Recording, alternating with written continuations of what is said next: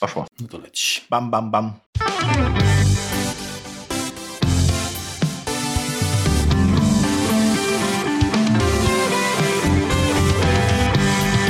Cześć, witajcie już w 125 odcinku podcastu Kompot. Podcastu, w którym co tydzień wyciskamy sok z jabłek. Jak zwykle wita Was ekipa w składzie Marek Telecki. i Remek Rychlewski. Na wstępie chcieliśmy Wam przypomnieć, że naszym partnerem i sponsorem jest firma Synology. Zapraszamy Was do zapoznania się z ich nasami, jak również routerami, które są całkiem niezłe. No właśnie, Mimo, że nie mają Wi-Fi 6.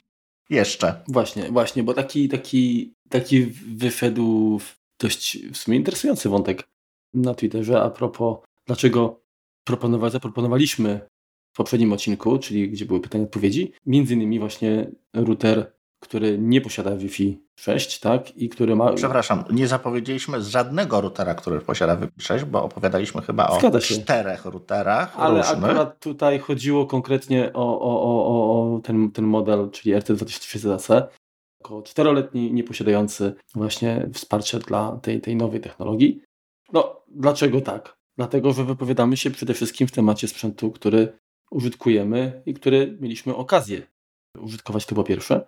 Dzieląc się z Wami własnym doświadczeniem, no, bierzemy na siebie odpowiedzialność, więc ciężko byłoby proponować coś bez no, organoleptycznego testu, tak? Przynajmniej wcześniej.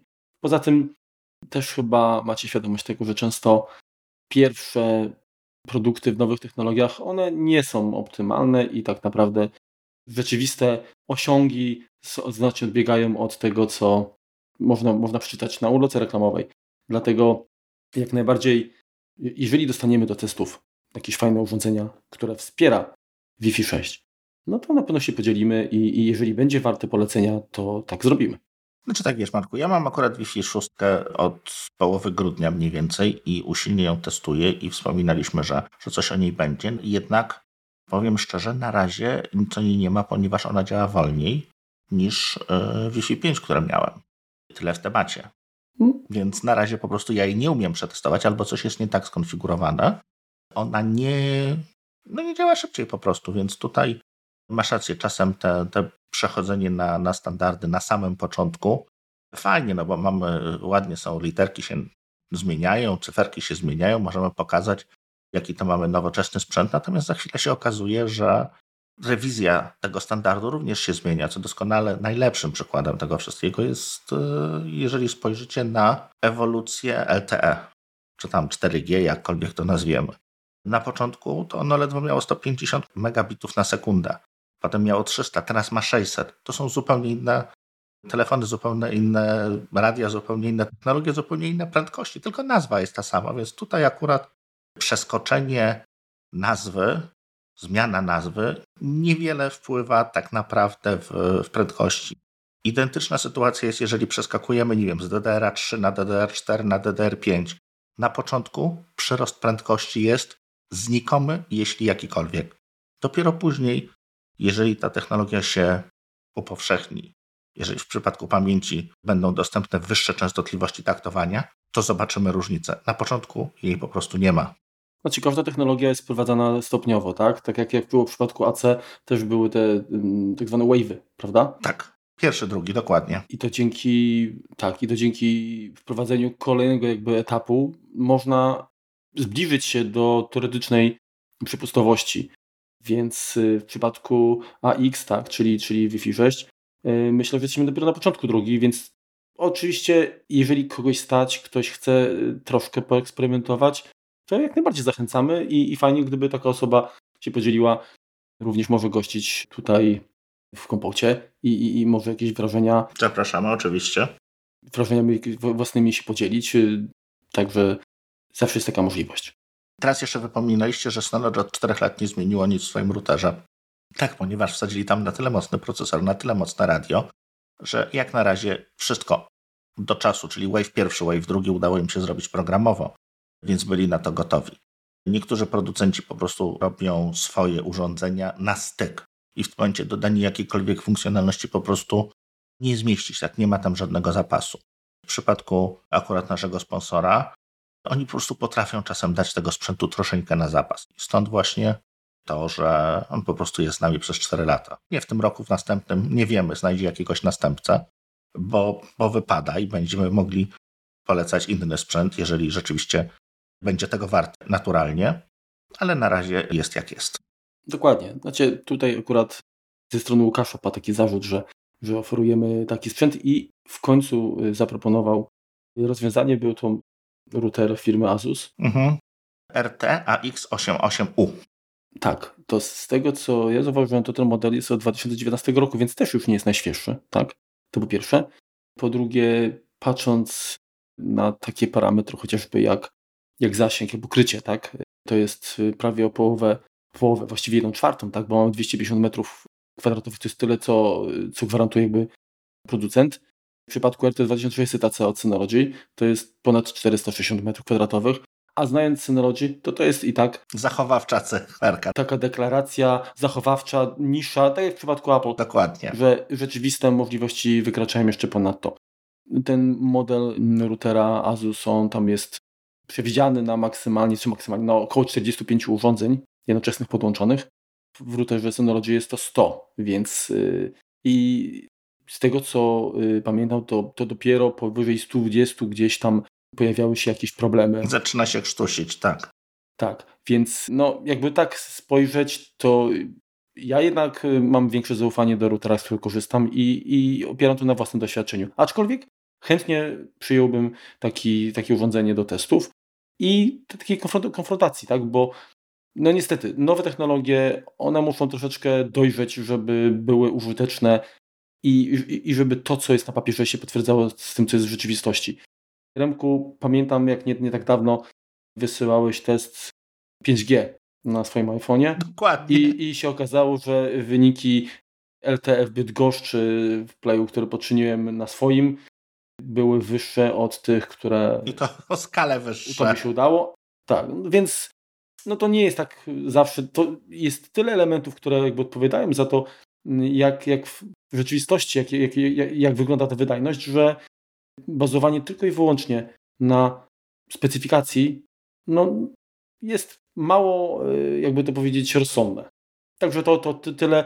Myślę, że do tematu wrócimy, bo to jest ciekawy temat. Zresztą ja generalnie od, od no, dłuższego czasu jestem zwolennikiem inwestycji w dobry sprzęt sieciowy, bo zależy mi na tym, żeby komunikacja była stabilna, szybka, wydajna. Od y, Time Capsule trzeciej generacji to wtedy to był, to był pierwszy model, który miał radio dwu, dwupasmowe, dwuzakresowe. Mhm. I byłem jedną, chyba jedyną osobą, która w okolicy korzystała w ogóle z sieci 5 GHz, więc to, to wtedy w tamtych czasach to, to było stosunkowo coś, coś nowego i naprawdę mam spore wymagania odnośnie jakości sieci i uwierzcie mi, gdyby ten router, z którego korzystam ich nie spełniał, no to korzystałbym na, na pewno z czegoś innego. No dobrze. To jakby ogłoszenia duszpasterskie. Nie. Mamy jeszcze jedno ogłoszenie, e, ale to na koniec może, żeby tutaj przejść do tematu. Tematem bezpie będzie bezpieczeństwo. Bezpieczeństwo ala Mac. Tak na razie mamy roboczo nazwany przez, y, odcinek. Zobaczymy, czy przetrwa do końca. Wymyśliliśmy sobie troszeczkę taki cykl z przerwami, gdzie będziemy rozmawiali o różnych zagadnieniach dotyczących bezpieczeństwa. To jest tak naprawdę drugi odcinek, jeżeli pamiętacie o biometrii, taki mieliśmy nie tak dawno. Tak. I, i no, jako że ta technologia, te technologie wykorzystywano zwykle w celu y, również jakby zwiększenia bezpieczeństwa albo um, umożliwienia autoryzacji użytkowników, no to y, doszliśmy do wniosku, że fajnie pociągnąć y, tak, taki cykl. W związku z tym oddajemy w Wasze uszy kolejny, kolejny odcinek. Więc jak łatwo się domyślić, jak biometri biometria, to niedługo będzie MFA, jak był Mac, niebawem będą inne platformy, ale nie chcemy być bardzo monotematyczni, więc jest to, jest to rozbite na najbliższych kilka, kilka ładnych tygodni, kilka miesięcy. No tak, poza tym no, musimy się zawsze przygotować, tak, bo ten człowiek, wiecie co, najgorsze to jest to, że człowiek w pewne rzeczy, mm, jak się przyzwyczaja, to, to ma wrażenie, że one zawsze, one zawsze. No jak to? Ale no nie były, nie? I, i ciężko jest y, o rzeczach oczywistych czasami mówić, no także trzeba sobie niestety trochę tej historii przypomnieć i, i, i zrobić zestawienie, żeby uzmysłowić sobie, że nie, nie, to, to jednak to jest dopiero od poprzedniej wersji na przykład systemu, tak? Zgadza się. Więc jeśli jesteśmy przy, przy Macu, jesteśmy przy macOSie, to jakby podstawą całego bezpieczeństwa, całego właściwie modelu jest Unix. Jest to, że, że działa to na bazie Nexta, Next OSa. Next Step baza... to się chyba nazywało. Next Step, tak. Mhm. Który bazuje na BSD, czyli Berkeley Software Distribution, więc jakby kwestie y, bezpieczeństwa, kwestie uprawnień ma zaszyte. Y, no nie należy pamiętać, że no to nie jest oczywiste, tak? Jeśli chodzi o w ogóle na przykład wieloużytkownikowość, to ona pojawiła się taka troszeczkę doklejona, więc to była taka z boku do, dorobiona, powiedzmy, w systemie dziewiątym. Więc całkiem niedawno, jeżeli chodzi o życie tego systemu operacyjnego Apple, jeżeli spojrzymy, co mamy po drugiej stronie płotu, czyli na Windows, to tam też nie jest tak różowo, bo wszyscy pamiętają, tak Windows 95. On nie był multi-user.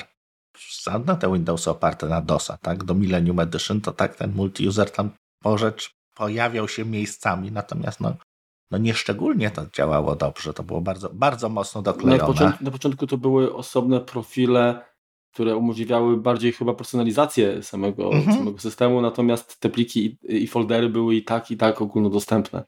Tak, tak, tak, tak. No, podział jakiś taki uprawnienia to było z wejściem tak naprawdę NTFS-a Windows NT 3.51 to, to zaczął wprowadzać. Jeżeli chodzi o zgodność, to, to dalej on zapewniał, z, z, z, Microsoft zapewniał zgodność z systemami, które tego nie wspierały i zapewnia dalej, stąd właśnie takie troszeczkę zaszłości, które, które się znajdują w świecie Windowsowym. To, co wpływa też bardzo mocno na bezpieczeństwo platformy Mac, to jest to, że ona jest troszkę mniej popularna. Tak? Ona nie jest popularna w biznesie szczególnie. Tak? Jest to poniżej 10% komputerów, które działają aktualnie. To jest pod kontrolą macOSa, więc tutaj bardziej opłaca się atakować kolegów z Windowsa niż, niż po prostu nas, więc tutaj czasem zwycięża po prostu statystyka. No tak, czyli ta niszowość czasami jest, jest zaletą, tak? Zgadza się. I od początku do, do jakichś tam kwestii instalacyjnych jest potrzebne uprawnienie, są potrzebne hasła administratora, więc to należy, należy pamiętać. Jest w ogóle taki bardzo fajny dokument przez Apple stworzony i oni go co jakiś czas uaktualniają. Aktualnie jest z wiosny 2020. Bezpieczeństwo platform Apple. Jeżeli by Was coś interesowało, coś nie do końca zrozumiecie z tego, co my powiemy, to tutaj warto doczytać. Tutaj będą wszystkie platformy, nie tylko Mac oczywiście, mhm. ale to jest jak gdyby takie źródło, gdzie jeżeli będziecie chcieli dowiedzieć się, jak konkretnie działa jakaś, jakaś technologia, o której my wspomnimy, to tam znajdziecie informacje już takie bardzo, bardzo dogłębne. No właśnie, wspomniałeś o, o haśle admina, tak? No ale to tak, żeby było hasło admina, no to generalnie musi, powinno być konto admina plus ewentualnie konto użytkownika to raz, a dwa, no musimy to hasło stworzyć. I teraz tak, pytanie, czy pytanie, czy, czy możesz stworzyć taki, takie konto, które ma uprawnienia administracyjne bez hasła? Na Windowsie możesz to zrobić, prawda? Mhm. Na Macu? Chyba się nie da teraz. Ale można włączyć autologowanie. No właśnie. I to jest coś, co stanowczo odradzamy. Tak. W ogóle istnieje taka takie przekonanie, że użytkownik nie powinien pracować z uprawnieniami administratora, tylko od zwykłego użytkownika i ewentualnie, jeżeli musi coś zainstalować, to, to po prostu się przelogowywać, to, to dawać sobie uprawnienia tylko na chwilę, kiedy jest to potrzebne. Jest to fajny pomysł. A stosujesz to? Nie. Na sobie nie. Ja też nie. No właśnie. No, nie, nie ale, ale, no dobrze, ale ma w rodzinie na przykład, y, ustawiałeś konta z ograniczeniami? Nie, każdy ma swojego Maca, każdy jest tam administratorem. Mhm. Czyli zamiast ograniczeń celujesz w edukację. Tak, dokładnie, dokładnie tak. Natomiast jeżeli miałbym jakieś komputery firmowe, no to tam już bardzo często zabieram te prawa, czy, czy, czy komputery szkolne, no to nie wyobrażam sobie, żeby dziatwa, która siada, mhm. miała... No, no, a ty masz y, maki w szkole? Nie, niestety nie. No ale wiesz, no to... No, no nie, no, no jasne. Pewna ale, część jest jakby tak sama. No, ale to jest jednak mimo wszystko równa platforma, tak? Także bym nie stawiałbym znaka, znaka równości, tak? No, niech będzie. Ale chodzi o to, żeby jakby tylko administrator może do, coś doinstalowywać. Kiedy to stosować? No jeżeli macie jakichś mniej ogarniętych użytkowników. To nie jest tak, że na Maca nie ma malware'u. Jest jak najbardziej, nawet na M1 było ostatnio, chyba dwa tygodnie temu, jakaś burza medialna, że ojej, jaki to Mac jest niebezpieczny, na M1 wychodzi wirus. No super, Rosetta działa, przekompilowali. Brawo dla Apple, zrobili system, na który nawet wirusy da się przekompilować bez większego problemu. Czy robaki właściwie, to nie był, to nie był wirus. Ale tak, jeżeli ktoś no, ma tendencję wklikania we wszystko i zgadzania się na wszystko i łatwo go zwieść, no to takiego użytkownika powinniśmy po prostu ograniczyć uprawnienia.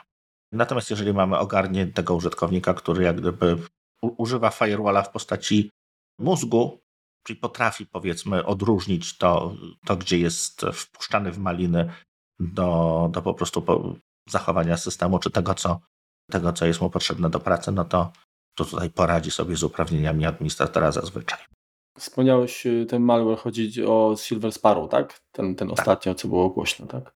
No tak, tylko tak, że tak, tak. było głośno w kontekście y, procesorów Apple Silicon, to tak naprawdę uh-huh. to się różnił tylko tym, że został skompilowany również na te procesory, natomiast on tak samo szkodzi, że tak powiem, platformie intelowskiej, prawda?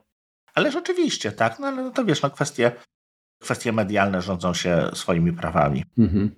Tak czy inaczej, wymaga taki malware, jeżeli, jeżeli konto jest chronione hasłem, to, to hasło administratora jest potrzebne, żeby, żeby on się mógł zainstalować, prawda? Tak, jak najbardziej. Bardzo popularnym i używanym od 2015 roku w większości, właściwie no, w większości komputerów Apple to jest Touch ID, czyli nie musimy wpisywać tego hasła, możemy powiedzmy no to u szczęśliwców. Ja mam komputer z 2015 roku, z połowy i jeszcze Touch ID niestety no bo nie mam. rok pośpieszyłaś. No tak. Ale już planujesz nowy, więc wiesz.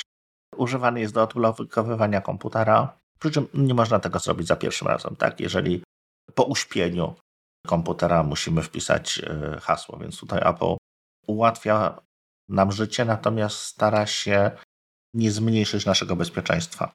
Więc to jest, to się będzie tutaj w tym odcinku kilka razy przewijało. No, czasem jest odwrotnie, ale generalnie w tą stronę bardziej starają się działać. No tak, bo generalnie to Touch umożliwia płacę. To właśnie to ID jest wykorzystywane nie tylko do logowania, tak, do, do urządzenia, tak, ale też do autoryzacji różnych innych operacji. Zgadza się. Bo to, tak się jeszcze wejdę tutaj w słowo, bo gdybyśmy chcieli tylko zabezpieczyć logowanie, to równie dobrze moglibyśmy się zobaczyć w jakiś YubiKey, czy coś podobnego, tak, urządzenie, jakiś keycarda, mhm. który by dodatkowo znaczy uwolnił nas jakby być może od wpisania hasła, a zabezpieczył jakby sprzętowo, tak, że jak zabierzemy ten, ten kluczyk ze sobą, mhm. to komputer nie będzie możliwy do odblokowania przez niepowołane osoby. I sprzętowo jest to wspierane jak najbardziej. To, to działa w systemie, tylko wymaga dodatkowego hardware'u. Ale wspomniałeś, do czego Touch ID jeszcze używamy. Używamy do Apple Pay, czyli możemy bez potrzeby zegarka, bez potrzeby telefonu autoryzować płatność. Chciałem się zapytać, czy z tego korzystasz? Tak, z zegarka. Przez zakupy w iTunes, iBooks, jak również y, wyświetlanie czy wpisywanie haseł do Keychaina. Jak już wspomnieliśmy o Keychainie, jest to... Czyli po naszemu, mów po polsku, pęk tak. kluczy. Tak. Dostęp do pęku kluczy. Tym nie poprawiaj, bo ja bo ja mam tutaj wszystko po angielsku, to ty mnie... Ja też mam po angielsku, ale no jest jednak, wiesz, polski język jest bardzo piękny. Trzeba go wspierać. No właśnie. Czyn umożliwia trzymanie tak. haseł, trzymanie certyfikatów. To jest taki jakby zaufana baza danych, gdzie aplikacje mogą zostawić pewne sekrety i tylko one mieć, mają gwarancję, że tylko one mają do nich dostęp i inne aplikacje w tym nie będą grzebać. I co jest bardzo istotne, to to, że pęk kluczy synchronizuje się przez iCloud, w związku z czym mamy go na wszystkich urządzeniach korzystających z tego samego Apple ID, dzięki czemu jak piszecie na przykład hasło, nowe hasło do sieci Wi-Fi u kolegi, przyjdziecie następnym razem z komputerem, to komputer będzie wiedział już, jakie hasło ma użyć łącząc się do tej sieci, prawda? Tak. Mówię, że wpiszemy w telefon, tego nie wspomniałeś chyba. No tak. Jak się podłączymy no, innym urządzeniem, a później no, tak, przyjdziemy tak, z tak, komputerem, tak, to dokładnie. Oczywiście można to wyłączyć, ale jest to, jest to bardzo, bardzo wygodne i, no i stosunkowo bezpieczne. Tak, Apple nie ma dostępu do danych, które my tam trzymamy, ponieważ one są zaszyfrowane naszym prywatnym kluczem. Dalej. To, co mamy w systemie, to jest taka właściwie wielka zakładka, czyli w ustawieniach jest y, bezpieczeństwo i prywatność, mhm. czyli security and privacy, czyli ustawienie dostępu do aplikacji, funkcji i, i wszystkich komponentów tu jest jak gdyby najwięcej, jeżeli chodzi o bezpieczeństwo zebrane. General będzie po polsku. Ogólne, zakładka ogólne, tak. Zakładka ogólna, więc przede wszystkim możemy zablokować konto po pewnej nieaktywności, czyli jeżeli nie używamy komputera, to uruchamia się po prostu screensaver. Może być później zabezpieczony, może powinien być później zabezpieczony hasłem. To też kwestia organizacyjna, tak? No jeżeli siedzimy sami w domu i pracujemy w jednym pokoju i towarzyszy nam jedynie kot, no to nie ma sensu, żeby to włączać, no chyba, że nie ufamy kotu, co, co jest akurat dobrym pomysłem, ale może nie będzie chciał nas okradać z naszych danych.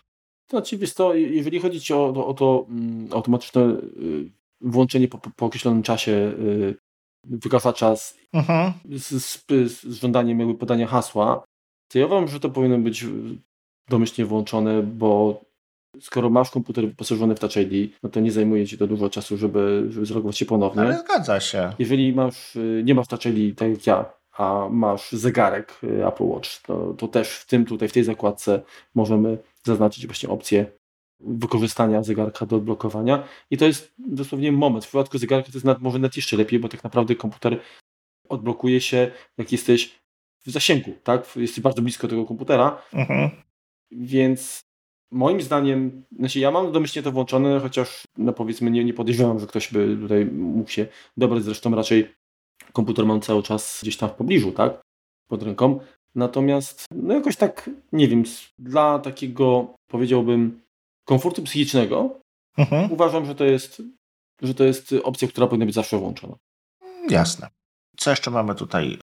Możemy również na tej zakładce ustawić, które ewentualnie rozszerzenia systemowe chcemy doinstalować, bo teraz to, co, to, co się ładuje systemem, mimo tego, że jest podpisane, musimy się jeszcze zgodzić.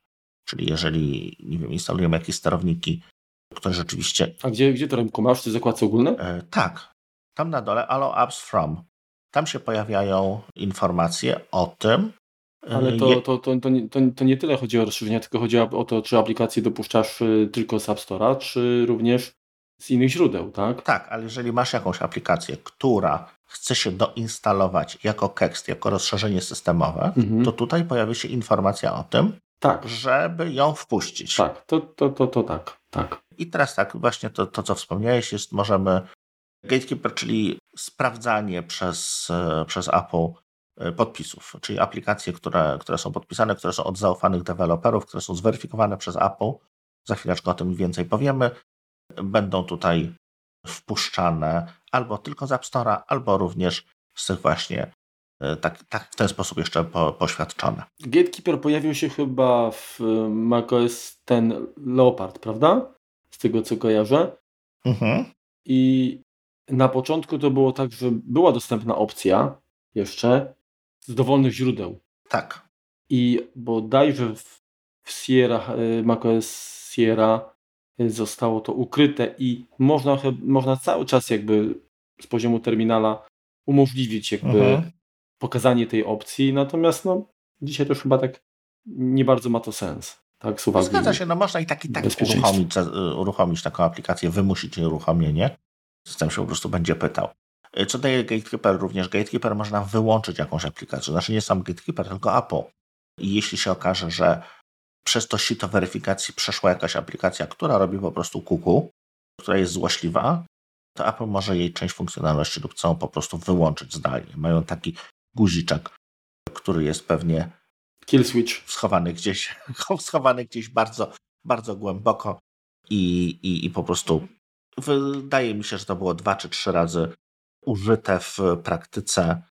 Była jakaś taka akcja, że do klienta torrentów transmit, nie transmit, transmission, do klienta transmission, mhm. transmission dla klienta torrentów transmission ktoś się włamał i opublikował za autora jakąś wersję, która miała w sobie jakiś malware ale ona była oczywiście podpisana przez autora, no bo to było jakby z jego, z jego repozytorium i, i to zostało wycięte i coś mi się kojarzy, że e, jakiś stara wersja Zooma, która instalowała e, jakiś... E, jakiś web serwer tam chyba chodził w tle. Tak, tak. I on im, im mhm. też się właśnie dostało jak gdyby po, po głowie za to, no bo to były dość poważne luki czy, czy, czy zagrożenia, więc Tutaj nie macie się co martwić, Apple wam nagle nie wyłączy waszej gry, bo im się tak podoba. To jest kwestia, kwestia bezpieczeństwa użytkownika. Właśnie, bo, bo, bo generalnie Gatekeeper pojawił się w Leopardzie, a w Snow Leopardzie pojawił się App Store.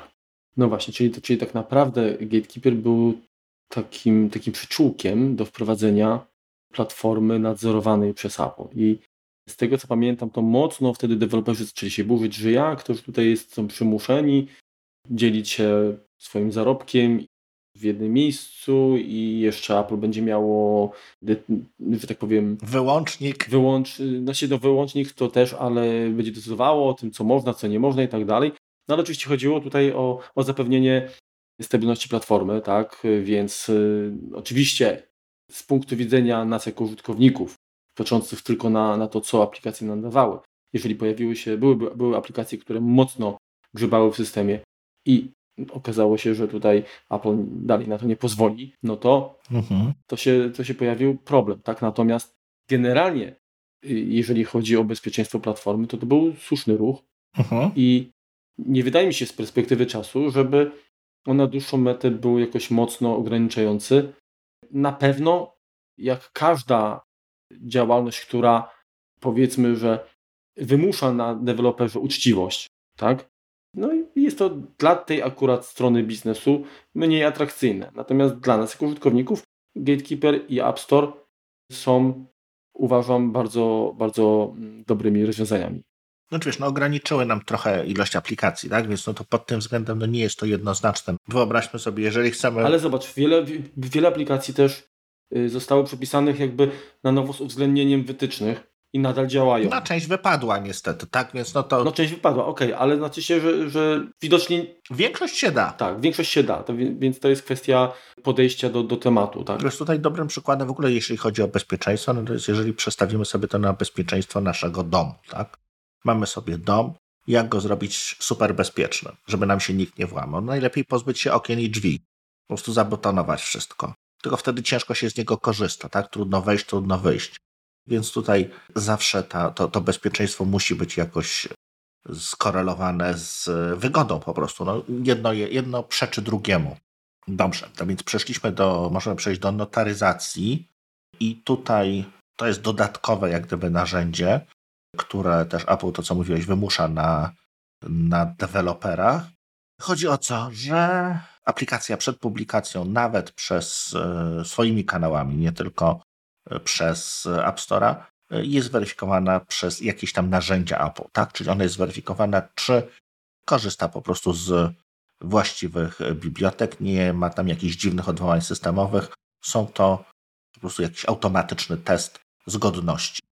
Czy mówisz, że dotyczy to również nie, nie tylko aplikacji, które są dystrybuowane przez App Store, tylko również innych, które możemy ściągnąć ze tak. strony powiedzmy dewelopera. Tak. I, I sam fakt, że platforma pozwala na ich uruchomienie, związany jest właśnie z, tym, z tą notaryzacją, tak? Zgadza się. No jeżeli aplikacja nie będzie, nie będzie jakby podpisana dodatkowo przez Apple, to wyskoczy nam dodatkowa informacja, że czy chcemy zaufać temu deweloperowi, że ona nie jest e, koszerna. Tak? Dodatkowo będzie jeszcze dodatkowy taki nagging screen nas upominał o tym, że rzeczywiście wykonujemy coś na własną odpowiedzialność. No, czyli generalnie tutaj powinno się nam zapalić światełko i no, jeżeli jest to deweloper, któremu ufamy, no to i nie ma jakichś y, informacji w sieci, że, żeby coś się złego działo, no to może powiedzmy to ryzyko możemy podjąć. Natomiast pytanie, czy, czy, czy nie ma alternatywy, tak?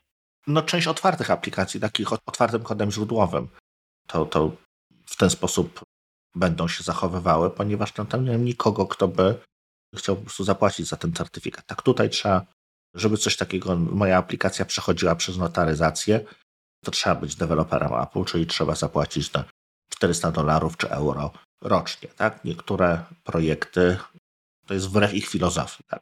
więc one nie będą podpisane prawdopodobnie nigdy.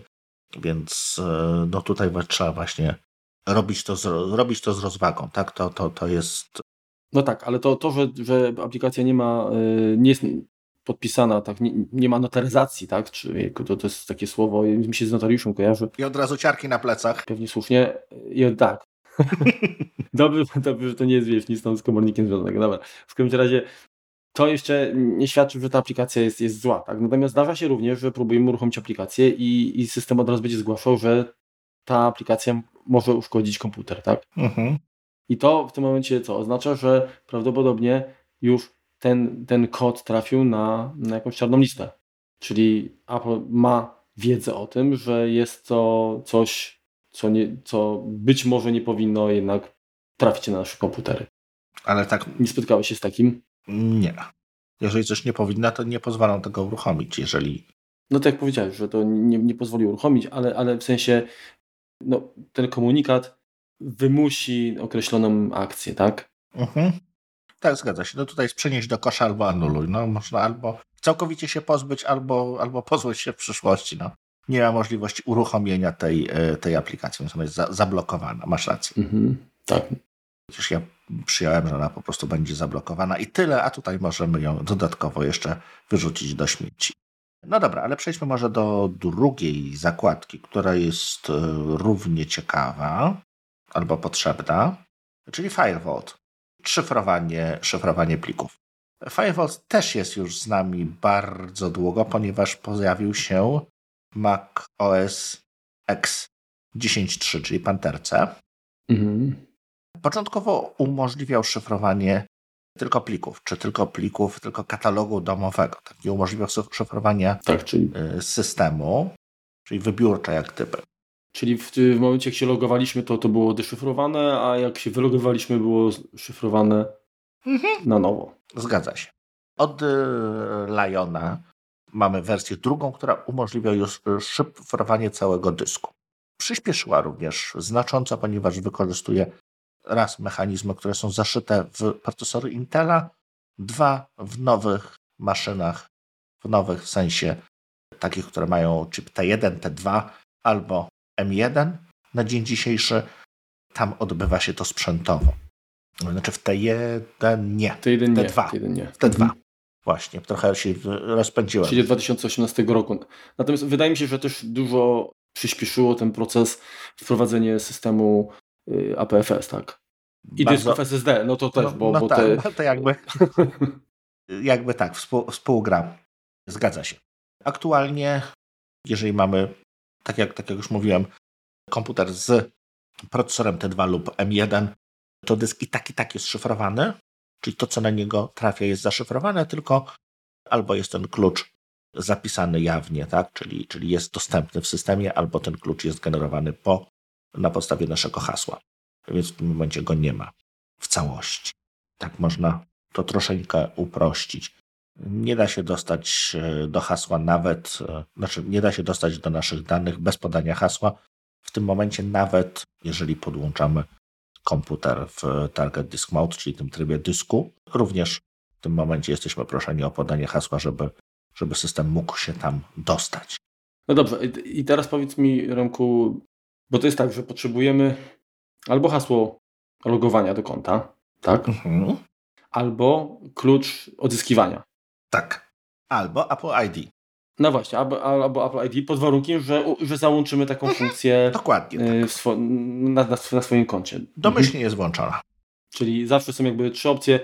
Ten, jeżeli włączycie File Vault, to ten klucz odzyskiwania recovery key, on jest generowany i warto go sobie gdzieś tam w dobre miejsce wydrukować i schować, prawda?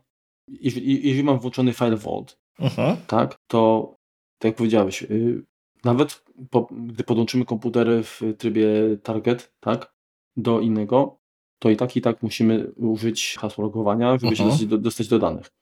Oczywiście większość komputerów nowych posiada już jakby dyski jako pamięci flutowane, więc tutaj ciężko troszeczkę mówić o wyjęciu, tak? Ale jeżeli byłby to dysk, byłby to komputer z dyskiem SSD, tak? Mhm. I będzie on zaszyfrowany w, w, przez, przez File Vault, tak. to wyjęcie i włożenie do innego komputera w zasadzie no, nic nie zmieni. Nadal, nadal też te, to, to hasło będzie potrzebne.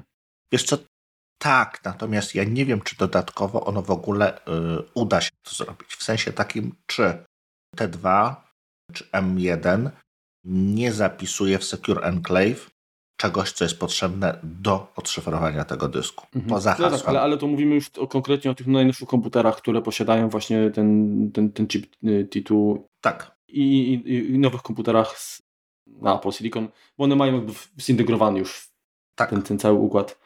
Tak, tak, tak, dokładnie. No ale tutaj jest to kwestia tego, że, że, że tak nie możemy wyjąć tego dysku. Jeśli jest on zaszyfrowany, to, to, to musimy, się, musimy podać hasło, bo w Macu Pro jak najbardziej można coś takiego zrobić. Mhm. Co dalej? Dla Windowsa, bo tu czasem będziemy wspominać, są podobne mechanizmy, nazywają się, nazywa się to BitLocker. Z grubsza działa tak samo, tak? Może, może nie ma takiego wsparcia systemowego, ponieważ Microsoft nie ma takiego dostępu jak Apple do sprzętu, w sensie musi działać na, na, na większej gamie sprzętu, więc jest bardziej software'owy, założenia są bardzo podobne. I teraz ważna sprawa, y, jak już jesteśmy w tym miejscu szyfrowania dysku, to trzeba sobie odpowiedzieć na pytanie, co robimy z naszym backupem. Bo backup robimy naturalnie, to nie, nie podlega wątpliwości. Mamy super zabezpieczony komputer, a gdzie trzymamy kopię Time Machine, czy gdzie trzymamy jakieś kopie, nie wiem, zrobione przez SuperDuper, czy, czy jakieś inne programy. Jak to, jak podchodzimy właśnie do, do kwestii bezpieczeństwa tychże backupów. Jestem zdania, że jeżeli blokujemy dostęp fizyczny, mamy ten backup w sejfie, no to ten backup w sejfie niekoniecznie musi być zaszyfrowany. No, dobrze jakby był, to, że go zaszyfrujemy również no, ograniczy dostęp, tak? Jeżeli nasze hasło jest tylko w naszej głowie, a coś nam się stanie, że je zapomnimy, czy przestaniemy być dostępni, to inni się już do tego nie dostaną. Więc tutaj też musimy sobie zastanowić się, czy, czy bardziej nam zależy na, na danych jako takich, czy na tym, że tylko my będziemy mieli do nich dostęp. Znaczy tak, w przypadku, gdy y, korzystacie na przykład y, z Copy Time Machine, to tam jest opcja, w momencie, gdy wybieramy tak, wolumen do, do zapisywania takiej kopii, to na starcie możemy ustalić, czy ona ma być szyfrowana, czy nie. Mhm. Co do szyfrowania, to właściwie teraz pamiętam, na pewno możemy ustalić, czy, czy jest y, backup będzie chroniony hasłem, tak?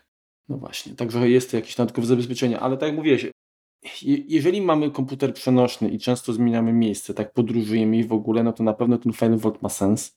Natomiast kopia robiona w domu, no nie wiem, ja nie szyfruję akurat tak danych w domu, bo... Mhm. Ja też tak, nie, ale no tak. no to jest kwestia wyboru jakiegoś, no trzeba nad tym się zastanowić. Nie, nie, nie do końca jakby widzę sens, z drugiej strony mówię, no to jest, to jest i mówimy o innym poziomie jakby oczekiwań albo, albo konieczności zabezpieczeń, tak, no moje dane są pewnie raczej warte najwięcej dla mnie, a mhm. nie dla potencjalnych intruzów, natomiast jeżeli prowadzimy firmę, to gdzieś powiedzmy, nie wiem, dane klientów i tak dalej, no to to wszystko ma dużo, dużo wyższą wartość pewnie. I, no tak. To... Więc no, trzeba dobierać zabezpieczenia adekwatnie do, yy, do wagi tych danych, tak? Często jesteśmy prawnie zmuszeni do, do jakichś konkretnych działań. Giodo i te sprawy, tak? Zgadza się, zgadza się. No dobrze, to możemy teraz niebezpiecznie przejść do kolejnej zakładki, czyli firewall. Tu jak sama nazwa wskazuje, czyli zapora, tak, sieciowa tak to po polsku się nazywa bodajże, możemy włączyć lub wyłączyć tąże.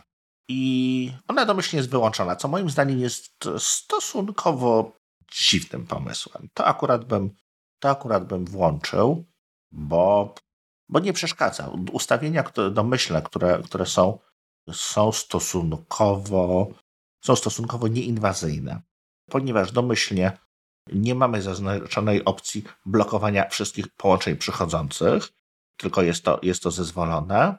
Dodatkowo włączona jest możliwość tego, że automatycznie zezwalane będzie komunikacja ze światem wewnętrz, zewnętrznym do aplikacji wbudowanych, czyli to, co mamy w systemie i tak i tak będzie się mogło komunikować ze światem zewnętrznym, jak również to, co mamy ściągnięte i podpisane przez e, zaufane certyfikaty również będzie bez gnębienia nas komunikowało się z internetem. Oczywiście te dwie funkcje można wyłączyć. Dodatkowo można włączyć tryb taki stealth, czyli niewidzialności.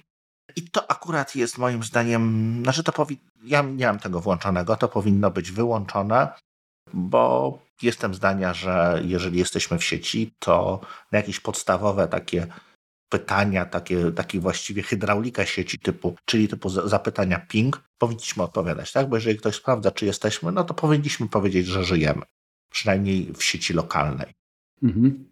Wiesz, no zwrócisz uwagę na to, że ten firewall systemowy jest domyślnie wyłączony i faktycznie no jest to dość mhm. dziwne, tak? Natomiast czy ty go włączasz, jak on jest wyłączony? Tak, masz, masz załączony. Tak? Mam zawsze włączony, tak. Natomiast mhm. mam ustawienia domyślne, nie mam tutaj mhm.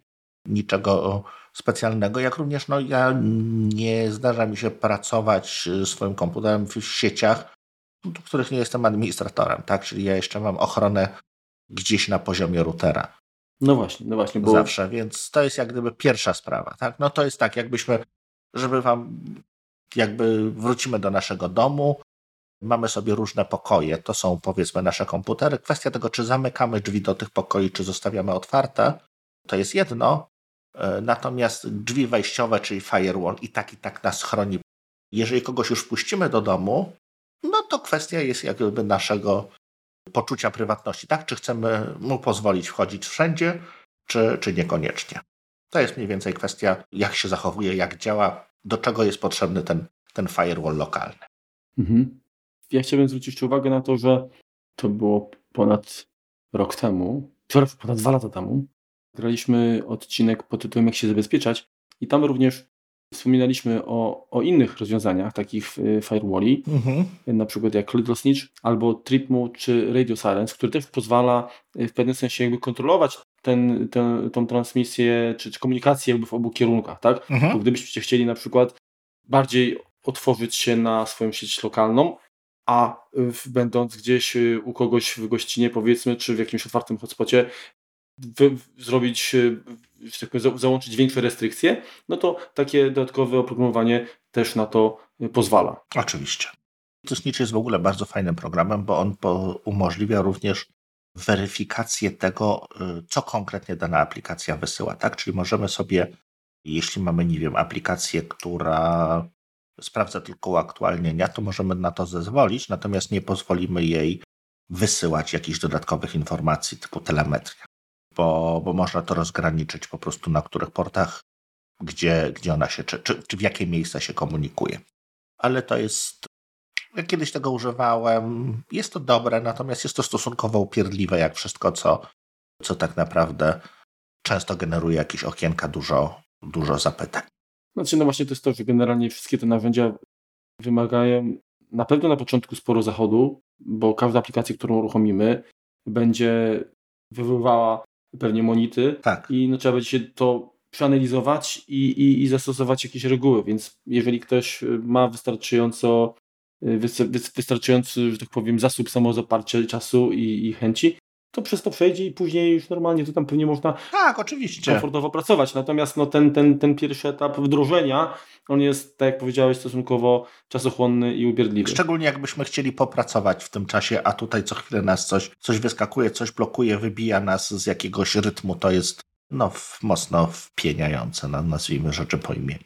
Mhm. Następnie mamy prywatność i tutaj mamy tak naprawdę najwięcej opcji i tutaj najwięcej opcji przybywa nam z każdą nową wersją systemu, bo te poprzednie zakładki, one właściwie w niezmienionej prawie formie zostają z nami chyba od czasów jeszcze kociąt, a na pewno późnych kociąt. Mhm. To tutaj mamy naprawdę, naprawdę bardzo dużo różnych opcji, które y, są częścią sandboxa. Domyślnie. No właśnie, co, cóż to jest ten sandbox? Bo generalnie macOS ten, tak? Właściwie, tak już, tak, macOS ten. A nie tamten. Prowadził, nie tamten, ten. Prowadził coś takiego jak w ogóle, jak pakiety, tak? Aplikacje stały się pakietami. Mhm. To, nie, to nie były tylko to nie były tylko pliki tak zawierające kod, natomiast to były, to były foldery y, zawierające kod programu oraz wszystkie zasoby potrzebne do, do działania tego programu. Tak jest. I to spowodowało, że odpadły konflikty na przykład takie, że powiedzmy program odwołuje się do jakiejś, nie wiem, starszej wersji biblioteki na przykład niż w systemie jest i gdyby jej nie było, to by nie działał, bo miał, miał, mógł mieć, że tak powiem, taką wersję y, właściwą dla, do swoich potrzeb y, sobie, prawda? Zaszytą, tak. Zaszytą. I, I to jest fajne rozwiązanie, ale to nie jest, to nie jest sandbox, tak? Sandbox to jest odizolowanie aplikacji, albo inaczej odcięcie jej od tych zasobów, do których nie powinna mieć dostępu, tak? Mhm. Dokładnie, dokładnie tak jak mówisz. Czyli tworzymy naszej aplikacji taką wydzieloną przestrzeń, w której ona się może poruszać, w której ona czuje się dobrze, natomiast nie pozwalamy jej sięgać za bardzo do, na zewnątrz. Czyli no nie ma ona dostępu, nie wie to, co się dzieje poza tym na naszym komputerze, nie wie, co robi użytkownik poza tym oknem aplikacji, poza tym, na co, na co zezwoliliśmy. Czyli to mniej więcej tak, jakbyście mieszkali w bloku i w każdym mieszkaniu byłoby impreza, ale dźwiękoszczelne ściany powodowały, że nikt by nie wiedział, co się dzieje ze ścianą. tak, tak, tak. To takie, tak. Psychiatryk się do tego dobrze sprawdza. O, bo tam są wy... ściany wyciszone podobno. Mhm. Apple również z racji tego, że no, aplikacje również no, muszą się czasem kontaktować, muszą mieć pojęcie o tym, co innego się dzieje w systemie, to utworzyła pewne takie furtki w zapytaniach systemowych, w zapytaniach API, z których aplikacje mogą skorzystać. I teraz na to, czy ona korzysta, ta aplikacja, czy, czy nie, jest pytany użytkownik.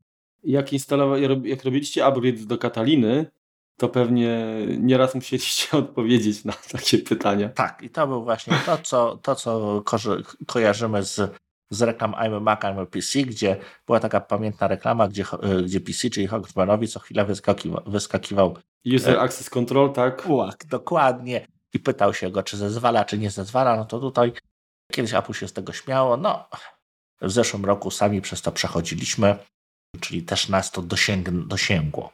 Czyli każda aplikacja, która wymaga jakiegoś dostępu, no po prostu będzie się, będzie się o niego pytać. Czasem, czasem tych okienek jest dużo, czasem jest ich za dużo. Szkoda, że tutaj nie ma możliwości, że dana aplikacja przy uruchomieniu wyświetla, podaje listę, tak? Chcę mieć dostęp do kontaktów, chcę mieć dostęp do zdjęć, chcę mieć dostęp do, nie wiem, jakiegoś tam katalogu i po prostu pojawia się jedno okienko, gdzie możemy fistaszkami zaznaczyć, na co się zgadzamy, na co nie. Może to by było lepszym rozwiązaniem. Może nas to kiedyś czeka. Być może lepszym rozwiązaniem byłoby pozostawienie e, domyślnie tylko zaptaszkowanych tych niezbędnych rzeczy, natomiast mhm. później jak użytkownik chciałby skorzystać z pewnej opcji, która niestety, ale wymaga dodatkowego, dodatkowych uprawnień, to wtedy miałby możliwość. Troszeczkę tak jest, tylko że najczęściej to na początku wszystkie te okienka wyskakują. To jest, y, to jest najbardziej, najbardziej bolesne.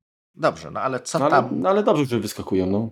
no. Przynajmniej to daje jakieś poczucie informacji też y, dla użytkownika, że ok, dobra, ta aplikacja chce dostęp, nie wiem, do kamery, do mikrofonu, do kalendarza y, mhm. i, i, i w tym momencie no już trzeba uruchomić troszkę szare komórki, pomyśleć, zastanowić się, dobra, co to jest, ta, co, co to jest za aplikacja, czy ona rzeczywiście taki, taki dostęp jest dla niej konieczny, tak? Mhm. Także lepiej jak jest tak, niż, niż jak było wcześniej, kiedy tak naprawdę my tylko właściwie nie instalowaliśmy aplikacji jako takiej. Instalacja polegała tylko na tym, że wrzuciliśmy to do aplikacji, dwuklik, aplikacja działa, wszystko, ale my nie wiedzieliśmy, co tak się dzieje. Zgadza się. To, to, jest, to jest po prostu szok, że przez tyle czasu to funkcjonowało, gdzie już, już mówię o, o, o tych czasach, kiedy jesteśmy częścią no, pajęczyny, tak? Podłączeni do internetu 24 godziny na dobę praktycznie. Mhm i, i, i jakoś, jakoś przetrwaliśmy. Na szczęście no, no teraz Apple pomyślało tutaj za nas. Troszkę. Po to, żebyśmy my mogli, my mogli pomyśleć za siebie. Troszkę, troszkę tak. No dobrze, no to powiedzmy, co tutaj mamy do wybrania. Przede wszystkim lokalizacja, czyli dostęp. No, nie mamy GPS-ów zazwyczaj w komputerach, natomiast dostęp jest również realizowany przy pomocy innych mechanizmów typu sieci Wi-Fi, więc mamy również lokalizację. Mhm. Mamy kontakty. To jest podobnie jak w iOSie. E, kalendarz, przypomnienia, zdjęcia, dostęp do kamery, czyli do aparatu. I tutaj będziemy mieli na przykład, nie wiem, Skype'a, na przykład będziemy mieli jakiegoś, nie wiem, Zooma. E, Microsoft Teams na przykład. Teams, dokładnie, tak. tak. Dostęp do mikrofonu, właściwie analogicznie.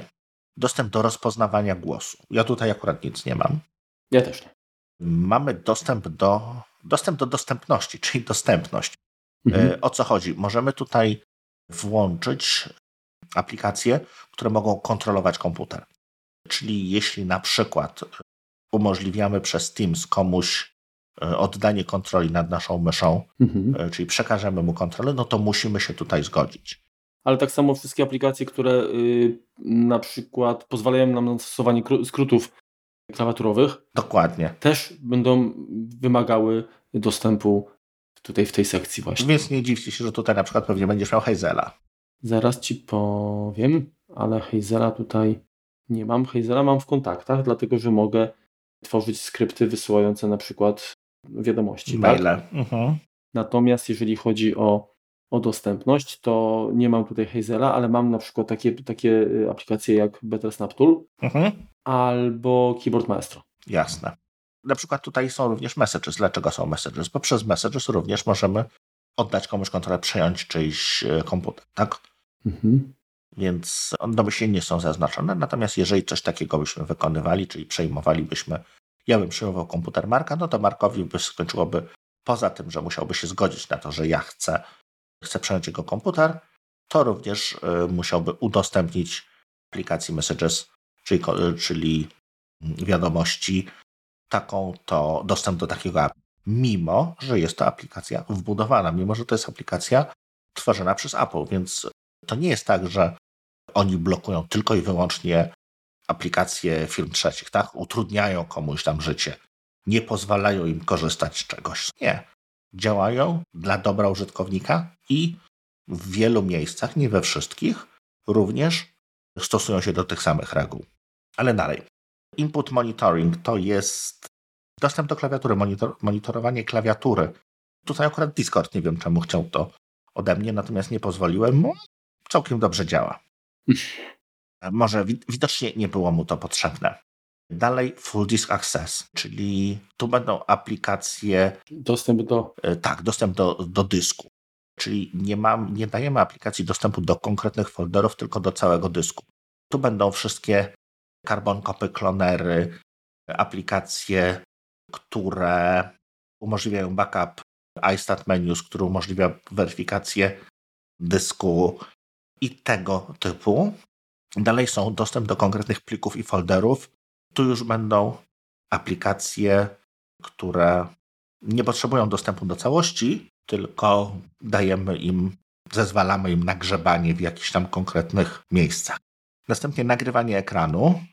Ta nazwa jest dosyć mylna, nie? bo tutaj tak naprawdę nie chodzi o, o, o, o nagrywanie takie jak, jak w takim rozumieniu zapisu transmisji tego, co widać, tylko o to przychwytywanie tego, co się dzieje, tak? czyli na przykład ruchu myszy. Ruchu myszy i również wygląda. To jest aplikacja, możecie jeszcze zrobić screenshot, tak? Może. Mm -hmm. No, jest to. Bo można by sobie wyobrazić jakąś złośliwą aplikację, która nagrywa nam ekran i pilnuje, kiedy jesteśmy w banku, kiedy mamy różne ciekawe rzeczy i te, te wysyła jak my gdzieś tam do statku matki. Jest to tak samo niebezpieczne, jak nie wiem, nagrywanie obrazu czy nagrywanie dźwięku, który, mm, który mamy wyświetlany czy, czy emitowany z komputera. No tak, ale na przykład pojawią się tam aplikacje, jeżeli używacie, na przykład takie, które pozwalają zmienić rozdzielczość ekranu. Ponad, mhm. Czyli to też, też tam w tej, w tej sekcji będą się pojawiały. No tak, tutaj jest no, ważne tego, że no nie wiem, uruchamiamy jakąś e, grę, jakiś program i on nagle żąda dostępu do kontaktów. No jeżeli pomyślimy, że rzeczywiście może to być potrzebne, tak jak mówisz na przykład w Hazelu, czy w jakiś tam, nie wiem, Alfred, który, który umożliwia również automatyzację jakąś, tworzenie skrótów, czy tak jak Keyboard, Keyboard Maestro, to, to ok. Natomiast jeżeli to jest jakaś tam losowa aplikacja, no to czasem się musimy zastanowić i no ja się nie zgadzam na wszystko. To jest tak, że... Mhm. Nie ma, y, słuchajcie, nie ma żadnego ryzyka w tym, jeżeli y, odblokujecie kółeczkę, odhaczycie ptaszek, ta aplikacja niech sobie tam na liście będzie. Jak podziałacie, poużywacie troszkę, okazuje się, że coś jednak nie działa, tak, jak powinno, no to wtedy zawsze, no, można, zawsze można no, wejść tak. tutaj, tak. I, I to zrobić. Następnie dostęp do, do mediów, do muzyki, do podcastów. Tutaj nie mam nic. Nie, nie mam jakichś dodatkowych aplikacji. To się nazywa multi, Multimedia i Apple Music, dokładnie. Tak. Y, ja też tutaj nic nie mam o dziwo. Wiesz co, przypuszczam, że gdybyśmy mieli jakieś narzędzia, które na przykład, nie wiem, tworzą playlisty albo jakoś zarządzają, muszą mieć dostęp też do, do, do konta naszego w takich serwisach, to wtedy, wtedy rzeczywiście mogłyby się tutaj na liście pojawić. Dobrze, dalej mamy HomeKit, w którym też nic nie mam. No ja też nie. Ciekawe, ciekawe. Nie mam żadnych aplikacji, które wspierają HomeKita po stronie Maca. Dalej Bluetooth, do którego nie wiedzieć czemu Microsoft Edge chciał się dobrać, ale mu nie pozwoliłem. A ja mam jedną aplikację tutaj i to jest AirBuddy. Tak właśnie myślałem. No ja z racji tego, że nie mam słuchawków Apple'owych, to, to AirBuddy'ego nie posiadam. Ciekawa, następna jest zakładka automatyzacja. Mhm. Powiesz Marku, co to umożliwia może, bo to jesteś szpecem od tego. To znaczy się tutaj chodzi o y, aplikacje, które mają możliwość skorzystania na przykład y, z mechanizmów, które oferuje automator, tak? Czy, czy, czy, czy generalnie Apple Script. I... No właśnie do kontrolowania, tak. bycia kontrolowanym i kontrolowania innych aplikacji. Dokładnie tak. tak ja mam tutaj dwa, dwa, dwie aplikacje. Jedną z nich jest oczywiście Hazel, natomiast drugą jest ten player, który również ma możliwość chociażby dodania... Użycia go w skryptach, no w sumie tak naprawdę. Tak, użycia w skryptach, czy danie menuletu do wyszukiwania mhm. napisów na przykład y, z automatu i tak dalej. Także to, to jest u mnie tutaj w tej sekcji. Ja mam Transmita, czyli tego klienta FTP od Panika i VLC, które, na które się nie zgodziłem. Mhm. Dalej mamy Developer Tools i to jest taka dziwna, dziwna selekcja, bo ona nie ma ikonki. Taka biedna jest. Deweloperzy nie dostali ikonki. A widzisz, ale to chyba się pojawia dopiero jak masz zainstalowany Xcode? albo samego, e, sam kompilator, tak? Bo ja mam Xcode'a, nie mam. No właśnie, bo u mnie tej sekcji nie ma, ja mam od razu Apple Advertising, czyli, czyli generalnie e, reklamy. A to ja mam jeszcze Apple. Analytics and Improvements. A to też mam, An e, an analizy i udoskonalenia to też mam, ale... Developer Tools, czyli w tym momencie zez możemy zezwolić na uruchamianie aplikacji, które sami napiszemy tak naprawdę. Czyli system nas nie będzie bronił przed nami samymi. Można to w ten sposób uprościć. Dalej, to jest kwestia tego, co analityka i udoskonalenia, tak? Mówiłeś? Tak, analityka i udoskonalenia, dokładnie. I tutaj jest kilka zakładek, tak, związanych na przykład z Siri i, mhm. i y, dyktowaniem, dzieleniem analiz, tak, z Apple i, i również tutaj mam taką, taki jeszcze ptaszek share with app developers, czyli wysyłane mogą być sugestie również odnośnie działania aplikacji do, do, do, do Czyli tutaj chodzi tak naprawdę o mhm. wszelką telemetrię. Czy ta telemetria ma być wy, wysyłana dotycząca aplikacji do Apple, czy telemetria dotycząca Siri, czy ewentualnie jakieś kawałki naszego głosu również gdzieś będą wysyłane. No i trzecie, również współdzielenie z deweloperami. E, ja mam tylko pierwszego ptaka tutaj zaznaczonego, a ty pewnie żadnego. To znaczy się, wiesz co, ja mam akurat wszystkie. Tak? Aha. Bo ja nie mam z tym problemu, tak? Znaczy generalnie jeżeli coś się wysypie, to ja zawsze tam wysyłam y, raport. Aha.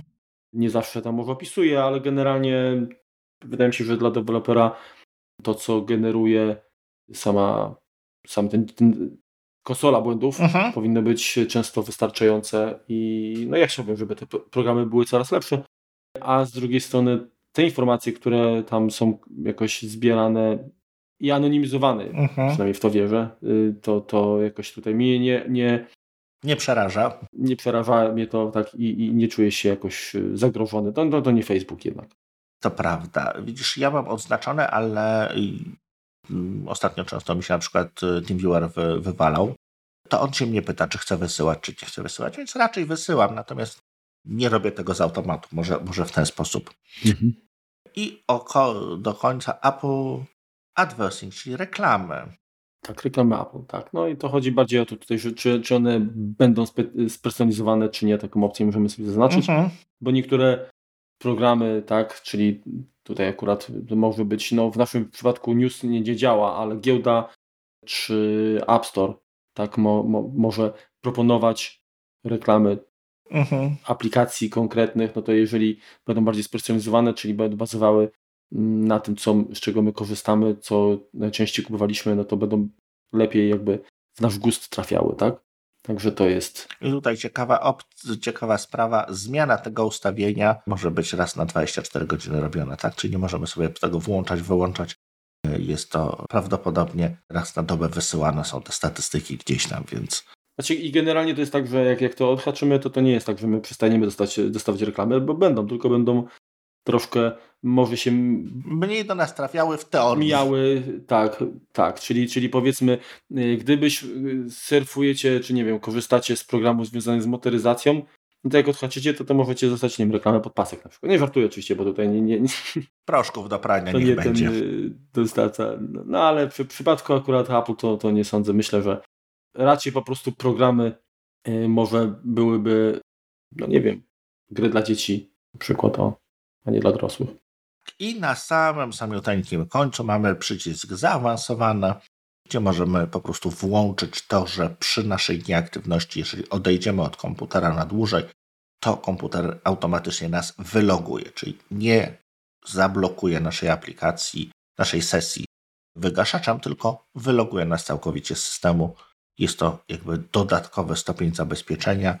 Tego bym nie zaznaczał tak naprawdę, bo mi się zdarza dużo rzeczy zostawić w Mhm, tle i bardzo bym płakał, jeżeli by się No okazało. właśnie, bo tutaj nie ma jakiegoś y, rozgraniczenia, czy y, są jakieś y, mm, działania związane z harmonogramem, tak?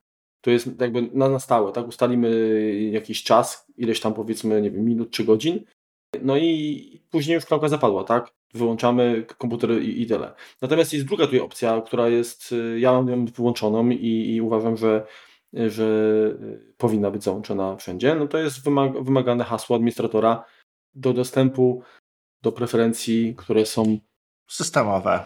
e, system-wide preferences, czyli, czyli takie preferencje systemowe, tak.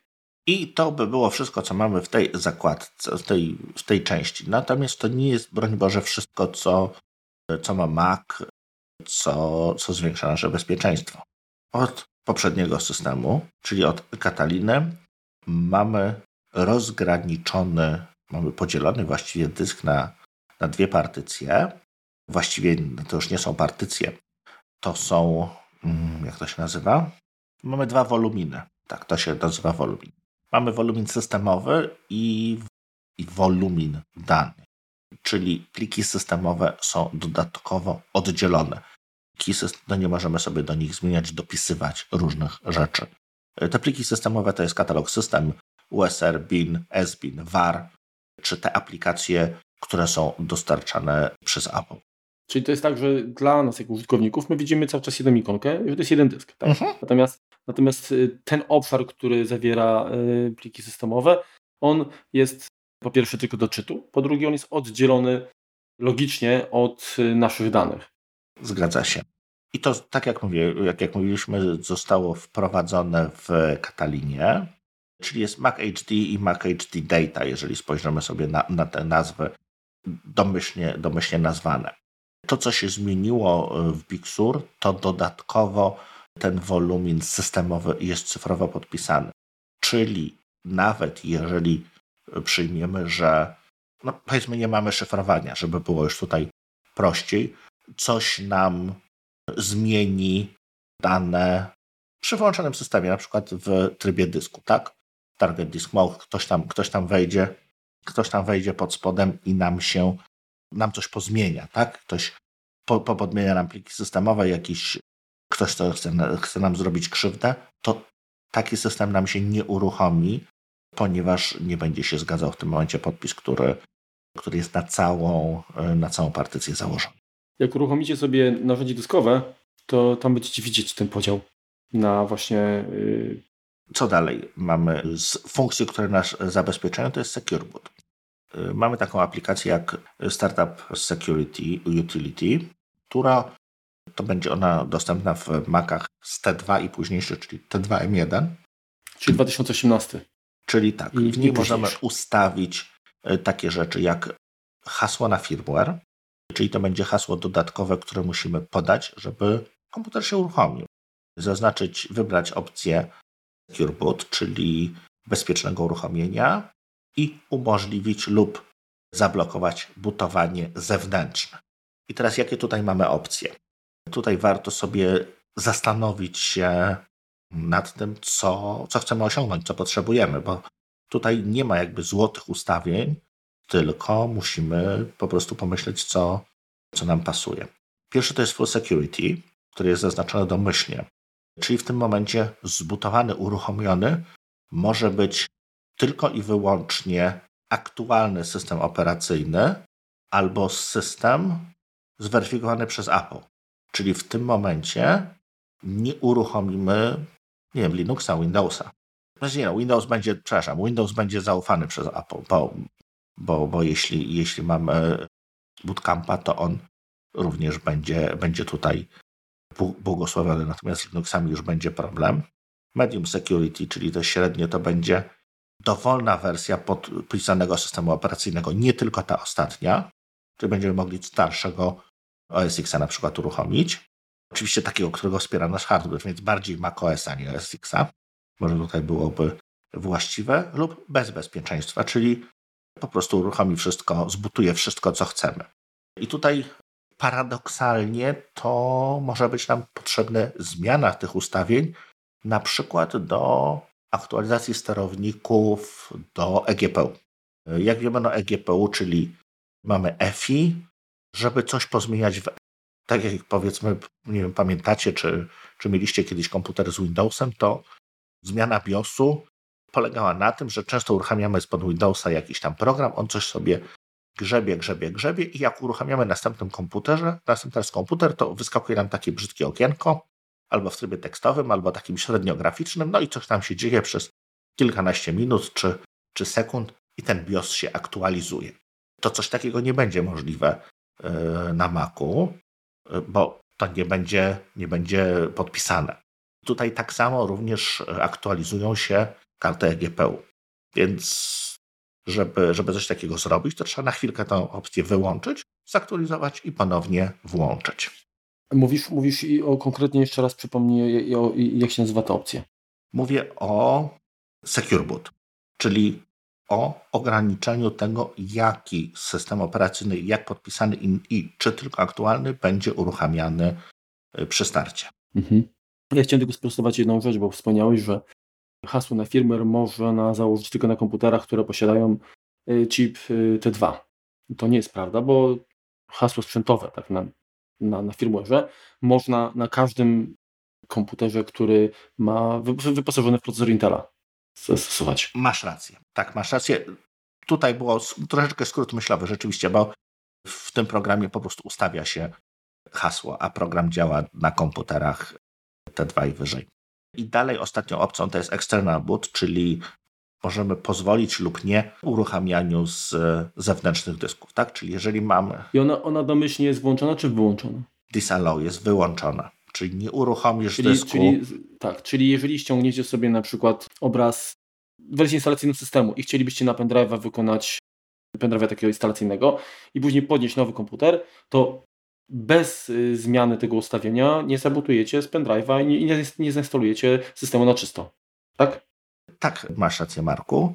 Dlatego tutaj ważne jest również to, że jeżeli robimy jakiś backup przy użyciu, nie wiem, Carbon Copy Clonera, dysk Dupera i chcemy mieć taki backup, który na szybko możemy uruchomić, no to tutaj dodatkowo jest ważne, żebyśmy po prostu zezwolili na uruchomienie na to, bo co z tego, skoro, skoro nie zezwolimy. No niestety tutaj musimy pomyśleć troszkę wcześniej, ponieważ do, tego, do tych opcji wchodzimy w momencie uruchomienia systemu po wciśnięciu Command R dostaliśmy, system startuje w trybie recovery i tam możemy właśnie wybrać z aplikacji ten właśnie security utility, czyli ten dostęp do, do bezpieczeństwa. Jak już jesteśmy przy konsoli odzyskiwania, tak, czyli y, wchodzimy jabłuszko R, mhm. to poza takimi opcjami jak, jak weryfikacja narzędziem dyskowym, jak instalacja na nowo obrazu pobranego z, z sieci, tak, czy właśnie ustawienie firmware'u, hasła na firmware, mamy też możliwość y, uruchomienia aplikacji Terminal, która w której możemy wyłączyć również coś takiego, co się nazywa System Integrity Protection, czyli to jest znowu coś, co pozwoli nam jednak zapisać na, na tym woluminie zabezpieczonym, czyli który jest tylko standardowo tylko do odczytu, prawda? Mm, no tak, tylko że jeżeli go potem włączymy, to nam się komputer nie uruchomi, bo niech będzie nam się zgadzał podpis. Mhm. Czyli generalnie. Czyli mamy to taki system, powiedzmy, chcemy się pozbyć tego, to możemy, natomiast na własną odpowiedzialność no i jest to, z tego co rozumiem, droga w, jednym, w jedną stronę. Okej. Okay. Chyba, że po włączeniu on po prostu przywróci te, te ustawienia, te pliki do, do stanu jak gdyby poprzedniego. Czyli jak rozumiem, to Katalinie to jeszcze dało się uruchomić ten komputer tak bez, bez wprowadzenia zmian, natomiast teraz już się nie da, tak jest podpisane, tak? Tak mi się wydaje. Ja, ja tak głęboko nie grzebałem, no niestety y, głównie potrzebuję znaczy, komputera znaczy, do pracy. Więc... to jest głupi pomysł, żeby w ogóle zezwalać na coś takiego, tak? Bo to jest, to wykracza jakby poza uprawnienia normalnego administratora nawet, nawet tak? No tutaj grzebiemy tam, gdzie nie powinniśmy. Tak. Ale rzeczywiście taka opcja jest i ona z tego co słyszałem się przydaje w skrajnych sytuacjach, gdzie, gdzie no coś, nie wiem, padnie się, wysypie, tak, no to to czasami mhm. Pewnie nie ma innej opcji, jak właśnie odratowanie tender. Tak. No pe pewnie, pewnie tak. Dobrze. Teraz tak, czy te opcje, które mamy zwiększające bezpieczeństwo generują jakieś problemy? Czasem tak. No zawsze, jeżeli ograniczamy jakiś dostęp, no to czasem również możemy ograniczyć siebie, więc ważne jest to, żebyśmy pewne te ustawienia zawczasu ustawili tak, jakbyśmy sobie życzyli, tak jak nam będzie potrzebne. Natomiast no, może się zdarzyć tak, że Bridge OS, który jakby uruchamia się najpierw, jest tym, tym systemem, który startuje na, na chipie T1, T2 czy M1, to jest ten taki kawałek powiedzmy iOS-a, który pilnuje tego, żeby Intel był grzeczny i i zachowywał się tak, jak, tak jak sobie życzymy, również może się, może się coś z nim stać, więc tutaj, tutaj się mogą pojawiać problemy z uruchomieniem. Również no, utrudniona jest kwestia recovery i target disk mode, bo mamy dodatkowe hasła, mamy dodatkowe jak gdyby zabezpieczenia. Tutaj no już musimy również yy, brać pod uwagę to, że po prostu to, to hasło będzie od nas potrzebne. Musimy jakby zakładając to hasło, musimy, musimy po prostu je pamiętać, musimy mieć y, świadomość, że po zapomnieniu hasła odetniemy się od danych. Co jest również ważne, to to, że często to się zdarza w jakichś takich komputerach, powiedzmy firmowych czy korporacyjnych, takich troszeczkę mniejszych, może korporacyjne to za duże słowo. To jest kwestia tego, że Activation Lock, czyli to, co zostało wprowadzone kiedyś, kiedyś bardzo dawno temu, bodajże przy iPhone 4, ale tutaj nie, nie strzelajcie do mnie, jak się pomyliłem. Możecie mnie poprawić, chętnie, chętnie to puszczę dalej. To jest to, że telefon jest zablokowany waszym Apple ID. Czyli nawet jeżeli zresetujecie jakoś tam ustawienia, to i tak i tak przy pierwszym uruchomieniu on będzie wymagał podania waszego hasła, żeby się, żeby się odblokować. To samo jest również z komputerami. No i teraz, jeżeli mamy jakiś komputer firmowy i zwolnimy pracownika, pracownik odejdzie, a zabezpieczony był chipem T2, no to już niestety bez tego hasła tego pracownika nie dostaniemy się. Istnieje metoda tego obejścia, można udać się do serwisu, tylko że serwis będzie wymagał od nas dodatkowych dokumentów poświadczających, że to my jesteśmy właścicielem tego komputera, więc to będzie faktura zakupu. No i to musi być faktura zakupu od autoryzowanego sprzedawca Tak? No jeżeli kupimy sobie e, z trzeciej ręki ten komputer, no to to już nie będzie faktura zakupu, która będzie nas upoważniała. Tak? No to pieczątka z ziemniaka nie przejdzie tu. Ale z drugiej strony, jeżeli nam komputer ktoś buchnie, no to dopóki go nie odblokujemy, to, to sobie na nim nie podziała. Tak?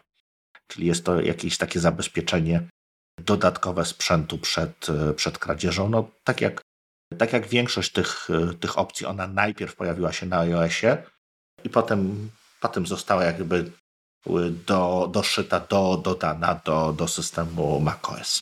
Generalnie jakby y, tendencja jest taka, żeby to zabezpieczenie polegało oczywiście na tym, żeby utrudnić dostęp do naszych danych, po pierwsze, ale również, żeby zniechęcić w ogóle potencjalnych y, intruzów do, do przywłaszczenia sobie naszego sprzętu. Tak? Jeżeli oni wezmą ten komputer i się okaże, że bez odblokowania hasła nie są w stanie nawet sformatować mhm.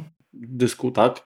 No to tak naprawdę ten komputer będzie miał stosunkowo niewielką wartość, tak? Nawet no, na, na części się tego tak niespecjalnie pewnie da, da sprzedać za bardzo, więc no to jest dobry sposób na to, żeby jednak zniechęcić w ogóle do, takich, do takich praktyk, tak? Zgadza się.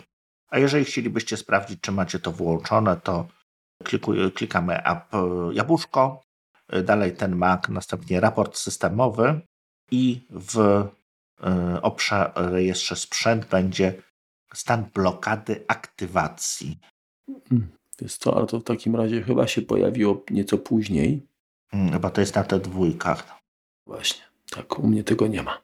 To nie jest żadna informacja dla potencjalnych osób, które byłyby zainteresowane moim komputerem. Naprawdę, nie warto, nie warto. Co jeszcze? Możemy tą aktywację albo włączyć na samym komputerze, albo logując się do iCloud naszym, naszym Apple ID przez e, opcję Znajdź iPhone możemy również usunąć dany komputer, czyli powiedzieć, że on już nie jest nasz, czyli, czyli w tym momencie ta, ta blokada zostanie z niego zdjęta i warto to robić, znaczy trzeba to robić przed sprzedaniem czy, czy przed przekazaniem komputera, żeby, żeby nie było problemów. Co dalej? Dużo ciekawych opcji wnosi T1, T2, chipy T1, T2. Między innymi T2, tak jak już mówiliśmy, szyfruje dysk, jak również... Tak, i to chyba, chyba największa zmiana, tak, bo wydaje mi się, że T1, który był wprowadzony w komputerach w 2016 roku, on chyba również wyłącza sprzętowo mikrofon, czy nie? Czy tak, dopiero T2? T, T1 tak. również sprzętowo odłącza, mhm. T2 weryfikuje na pewno jeszcze dodatkową instalację systemu. To jest, to jest to. Co dalej mamy, jeżeli chodzi o sprzęt? Możemy odblokowywać e, komputer przy pomocy, to już wspominaliśmy, Apple Watcha. Mhm. Więc to jest kwestia tego, że jest to tak naprawdę zwiększenie naszej wygody, bo... No i autoryzować też płatności i tak dalej, także to też, też tak. jak najbardziej działa. Mhm. A propos bezpieczeństwa, też warto pamiętać, że ważna jest kopia bezpieczeństwa, jak sama nazwa wskazuje. Czyli też to również umożliwia nam system przez, przez zbudowany backup, czyli Time Machine. No i jeszcze raz wspominaliśmy już o tym, że trzeba się zastanowić, czy to również szyfrujemy, czy nie. To jest kwestia otwarta. Tak, znaczy poza tym to też nie musi być tak, że musicie szyfrować wszystko, tak? Narzędzie dyskowe pozwala na stworzenie obrazu, tak? I to są jakby dwie wersje. Jest albo pełen obraz dysku, czyli w którym określamy jakby na sztywno jego, jego objętość, jego wielkość, czyli, czyli, czyli dysk DMG, tak? Bądź też tak zwany sparse image, który jest takim no, dyskiem dynamicznie alokującym przestrzeń, tak? I oba mogą być zabezpieczone hasłem, czy, czy, czy mogą być, zdaje się, również zaszyfrowane, tak? Oczywiście. Właśnie. I teraz tak, czyli czy mamy, podjemy nazwę, rozmiar, format, tak? Czy to będzie APFS, czy HFS+, tak? Czy EXT, FAT, bo jak najbardziej Windowsowe formaty to są dostępne. Mhm. Y, możemy ustalić y, szyfrowanie, tekst 28 lub 256 bitów AS. Możemy ustalić, czy to jest pojedyncza partycja, czy w ogóle bez mapy partycji, czy obraz odpowiadający, nie wiem, dyskowi CD czy DVD. Mm, I możemy ustalić właśnie format obrazu, tak? Czy to ma być e, dysk do zapisu odczytu, czy to ma być sparse disk image właśnie, czy master CD DVD, czy jeszcze coś takiego jak sparse bundle disk image, czyli też jakiś dynamiczny tutaj, powiem szczerze, że akurat z tego nie korzystałem. No, także taki obraz możemy zamontować w dowolnym momencie, przerzucić na niego dane jakieś wrażliwe i oczywiście, jeżeli on jest szyfrowany, zabezpieczony, to, to jest to. Może to być taka, taka dodatkowa skrytka na naszym dysku, który cały wcale nie musi być zaszyfrowany przecież. Ależ oczywiście, że tak. Dalej, jeśli chodzi o bezpieczeństwo, właściwie to prawie jest osobny temat. Tutaj go tylko tak bardzo po łebkach potraktujemy. To jest kwestia Safari i tego, jak przeglądarka Apple stara się zwiększyć nasze, nasze bezpieczeństwo, czy w jakiś tam sposób zagwarantować nam pewną prywatność w sieci. To, co warto zmienić, moim zdaniem, to jest domyślnie jest zaznaczona opcja otwierania tak zwanych bezpiecznych plików po ściągnięciu. Nikt nie powiedział, że plik PDF czy plik ZIP, który jest traktowany jako bezpieczny, naprawdę będzie bezpieczny. Istnieje wiele podatności na te obydwa. Na szczęście wszystkie, o których powszechnie wiadomo są w systemach Windows, nic nie stoi na przeszkodzie, że jakaś tam podatność zostanie tutaj wykorzystana, więc bardzo nierozsądnym jest automatyczne uruchamianie wszystkiego, co ściągniemy, więc uważam, że powinno się to, to wyłączyć. Dalej hasła. Tutaj mamy te hasła, które mamy zabezpieczone, zapisane w Safari, zabezpieczone w pęku kluczy mhm. zsynchronizowane również z urządzeniami iOS. Dalej cała zakładka security, czyli przede wszystkim ostrzega, kiedy wejdziemy na jakąś stronę, która wyłudza informację, która jest po prostu stroną lewą, tak? To będzie krzyczała. Co dodatkowo zostało ostatnio wprowadzone, to nie wiem, czy już teraz, czy od następnej bety, już nasze zapytania bezpośrednio nie będą szły do Google. No bo e, Google przy okazji tego, że wysz robi wyszukiwarkę, to również weryfikuje te strony. I jeżeli na taką stronę natrafi, to zapisuje ją na takiej specjalnej liście tych stron takich niebezpiecznych. Więc aktualnie, czy, czy poprzednio, za każdym razem, kiedy wchodziliśmy na jakąś stronę, no to została, została ona odpytywana w Google, czy jest ona bezpieczna. No i jest to jakieś tam naruszenie prywatności, no bo firma trzecia wie, z jakich stron korzystamy. Więc jeżeli teraz Apple, Apple dodatkowo będzie robiło tutaj za proxy takie, no to, to jesteśmy jakby bezpieczniejsi, no bo te zapytania może będą trochę wolniej szły, natomiast y, nie bezpośrednio od nas. Y, dalej możemy w ogóle wyłączyć JavaScripta. Najlepszy sposób na pozbycie się funkcjonalności jakiejkolwiek, ponieważ aktualny WWW działa właściwie na Apple Scriptie i jeżeli chcemy sobie rozwalić przeglądarkę, to, to niestety to jest ta opcja. Bezpieczeństwo. Dalej ważna, ważna kwestia, blokowanie y, cross-site trackingu. Tutaj akurat... Prywatność. Zakładka prywatność. Prywatność, tak. Zakładka prywatność, czyli website tracking, czyli blokowanie cross-site trackingu, czyli strona A zawiera reklamę wysyłaną przez e, stronę X, strona B zawiera reklamę również ze strony X i w tym momencie, jeżeli wchodzimy na A i B, to firma X wie, że wchodziliśmy na stronę A i B. Coś takiego jest blokowane domyślnie. To, co ostatnio zrobił Firefox bardzo fajnego, to dodał konteneryzację, czyli te bookmarki są dalej zapisywane, ale strona A nie wie o stronie B. One są po prostu jak gdyby namespace, czyli ta przestrzeń nazewnicza jest dodawana dodatkowo i one dla danej domeny działają, tak? Czyli, czyli to będzie tutaj troszeczkę bezpieczniej, no Apple jeszcze tego nie wprowadziło. Blokada w ogóle wszystkich ciasteczek. Możemy zaznaczyć, czy chcemy, żeby podpowiadały nam się opcje, z, które mamy zapisane w Apple Pay czy Apple Card, tak? czyli, czyli płatności. Znaczy, a właśnie, teraz pytanie, czy to nie jest tak, jeżeli odhaczysz tę funkcję, to czy wchodząc, przechodząc do, mm, do kasy, tak, mhm. kupując coś, czy ta opcja w tym momencie Apple Pay się nie pojawi też, jeżeli, jeżeli nie pojawi. Nie pojawi. No to czyli jeżeli chcemy skorzystać, no to niestety trzeba to zostawić zaptaszkowane. Tak. Czyli tak ja, tak ja to rozumiem. Dalej możemy zezwolić konkretnym stronom dostęp do konkretnych funkcjonalności, czyli na przykład do współdzielenia plików, do lokalizacji, do pobierania plików. Tu mamy tak z grubsza taką kopię tego, co mieliśmy, co mieliśmy w systemie. Powoli te nasze aplikacje przeglądarkowe, znaczy nasze, nasze strony wyglądają jak aplikacje w drugą stronę. Czyli coraz więcej tej funkcjonalności nam wpada do internetu, więc siłą rzeczy przeglądarka jest jedną z, jedną z najważniejszych aplikacji, które mamy i jednym z takich punktów, które są bardzo krytyczne, jeżeli chodzi o nasze bezpieczeństwo. Na pewno jedną z ciekawszych tutaj opcji, tak, w którą warto przewertować, to są powiadomienia. Mhm. Tak, jeżeli chcecie dostawać tutaj za dużo monitów o zmianach na stronach i tak dalej, no to, to warto tutaj wybrać tylko te witryny, które rzeczywiście chcie, chcielibyście, aby mm, takie informacje się pojawiały. A masz coś, rzeczywiście coś wybrałeś? Coś komuś pozwoliłeś? Bo ja nikomu nie pozwalam. Ja mam y, Synology Browser Notification mam włączone. Wow, a wszystko inne mam, mam, mam usunięte. Jasne.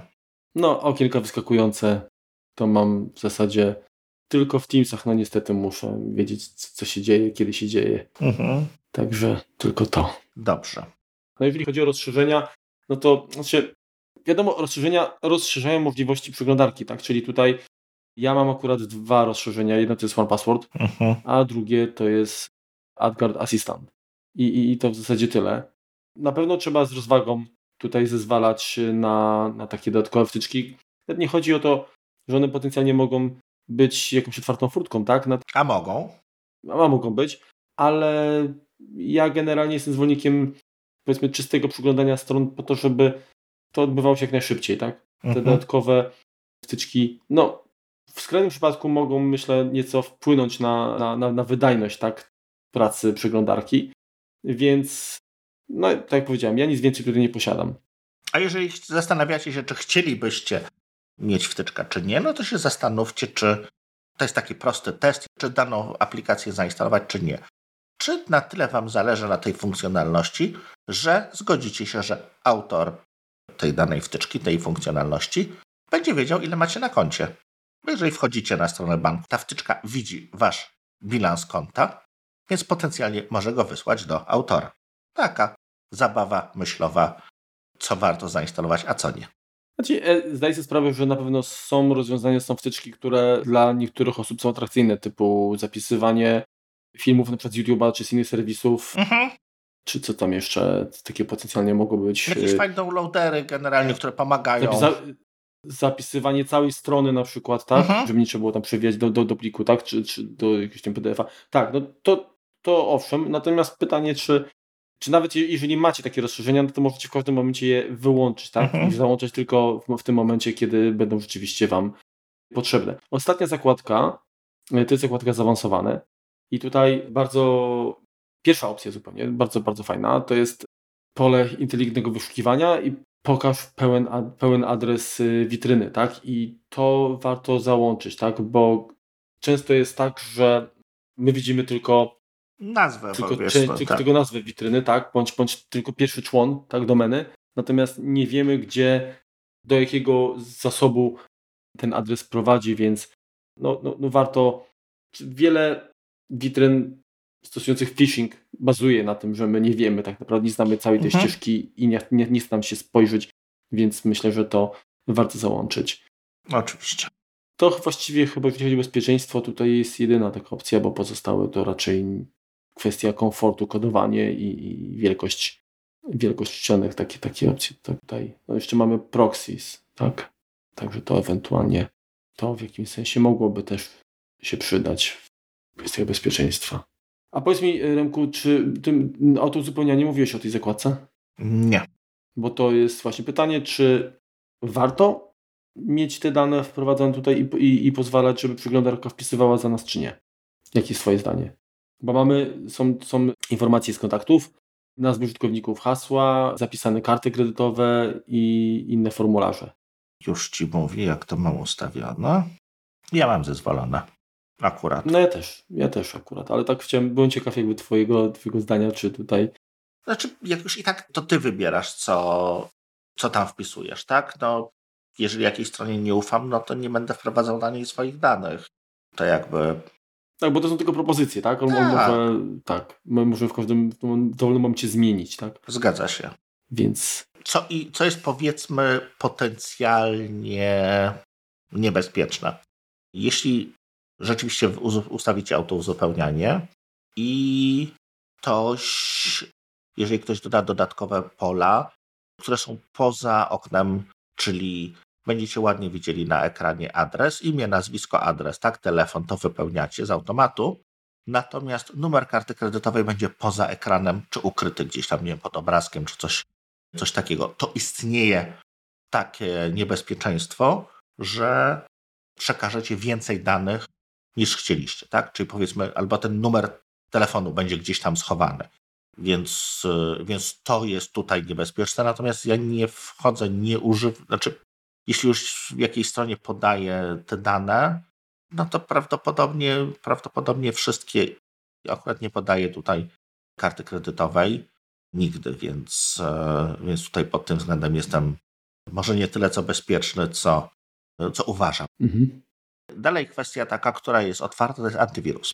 Jeśli chodzi o Windowsa, to używanie antywirusa no, czy jest potrzebne, czy nie? W zasadzie tak. No, niezłym antywirusem jest aktualnie Defender, czyli coś, co jest zbudowane w system. Apple nie ma antywirusa jakiego takiego. No, jest gatekeeper, który pilnuje, spełnia jakieś tam funkcje, powiedzmy, takiego antymalware'u. Natomiast to nie jest program antywirusowy, on nas nie chroni przed, przed tego typu, powiedzmy, mutującymi zagrożeniami. Tutaj, jeśli chodzi o antywirusa, to mam Dwa zdania. Jeżeli myślimy o wykorzystaniu komputera, właściwie nieważne, czy to jest Windows, czy to jest Mac, e, firmowego, to tutaj bym bardzo mocno kierował się, żeby jednak jakiś antywirus był, bo no nie mamy jakby tutaj bezpośredniej kontroli nad, nad użytkownikami. Często nie wiemy, co się tam dzieje. Tutaj troszeczkę bym ich ograniczył. Natomiast jeżeli myślimy o e, użytkownikach domowych, to ich dane są mniej cenne. Dostęp do, do tego, co mają, jest no, mniej intratny. Tak? No, nikt nie będzie chciał od was 5 bitcoinów za to, że zaszyfrował, że zaszyfrował wam Maca. No nawet jak będzie chciał, no to, to, nikt, to, to nie dostanie tych pieniędzy. Natomiast jeżeli zaszyfruje wam serwer firmowy, to jest już inna sprawa. Tak? Te dane są cenniejsze.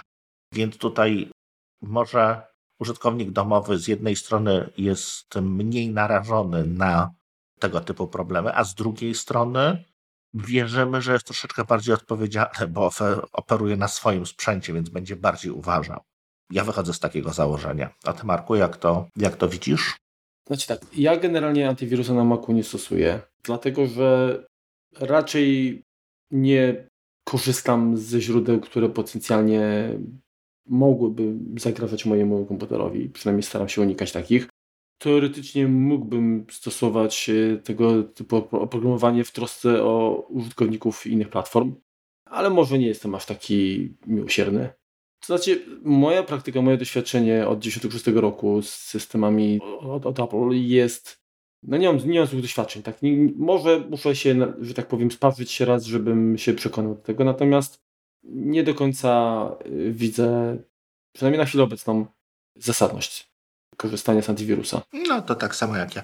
Natomiast jeżeli pytacie się, jakiego antywirusa zainstalować na Windows, albo żadnego, jeżeli ufacie troszeczkę bardziej sobie i uważacie, że Windows Defender Wam wystarczy, raczej w środowiskach firmowych jeszcze raz nie korzystałbym tylko z niego.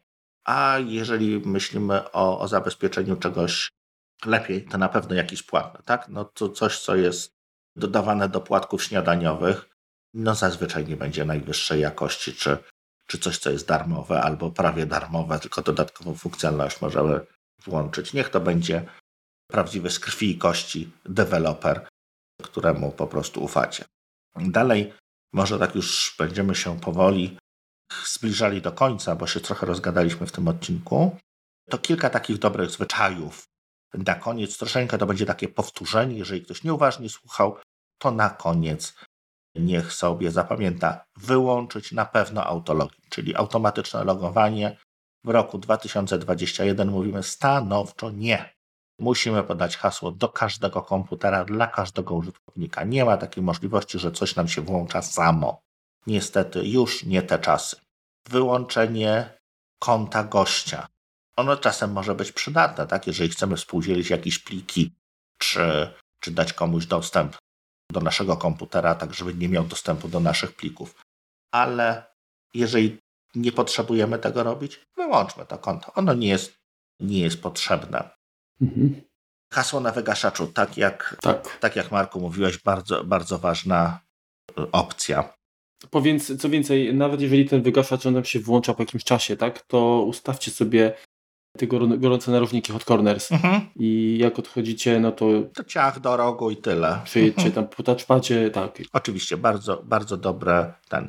Dalej to troszeczkę będzie zahaczało o jakieś następne, bo będziemy również rozmawiali o bezpieczeństwie usług, bo to jest troszeczkę usługa, czyli uwierzytelnianie dwupoziomowe dla kont Apple, czyli dodajmy te, tego SMS-a, dodajmy te wiadomości, które będą nas dodatkowo weryfikować jeśli chodzi o Maca.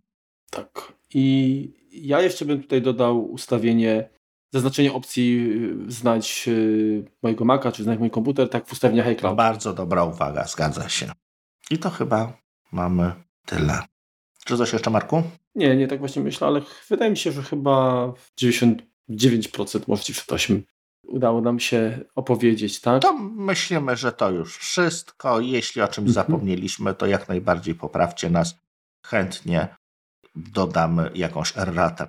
Może uchylimy troszeczkę rąbka tajemnicy. My publikujemy podcast w środę, natomiast nagrywamy w czwartek, jako potem przez 6 dni składam.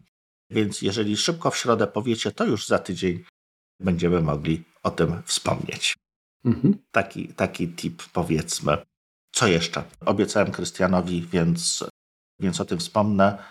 Krystian McKozer-Kozerawski, jak wiecie czy nie wiecie, prowadzi lekcje Swifta w szkołach. Robi to pro bono i podrzucimy link do, do jego Patronite'a, żebyście, jeżeli macie jakieś dodatkowe fundusze i chcielibyście je przeznaczyć na kogoś, kto po prostu dowozi, robi dobre rzeczy, to Krystianowi się to przeda. Trochę się przejechał na, na pandemii, trochę mu tak. kwestia nie wyszła finansowania iPadów, więc jeśli możecie do nas dołączyć i, i go trochę wesprzeć, to będziemy Wam bardzo wdzięczni. No my, my się przyłączyliśmy, zresztą no, znamy ten, ten ból, edukacja nie jest łatwym chlebem, a poza tym sami się dzielimy w zasadzie w podobny sposób z Wami wiedzą, więc dołączcie, bo szkoda, żeby, żeby tutaj projekt upadł, bo naprawdę jest warty po prostu no, wsparcia każdego. Także drobna cegiełka na pewno pomoże, przedłuży żywot, a być może pozwoli y, na jakiś dalszy rozwój. Tak. Jeszcze na dalszy rozwój dokładnie. I na zakończenie, zgodnie z tradycją, quick tip od naszego sponsora Synology. Co to będzie, quick Marku? Tip. Quick tip. No oczywiście, no, backupy, tak? Backupy, backupy, backupy. To, to jest największe bezpieczeństwo, tak?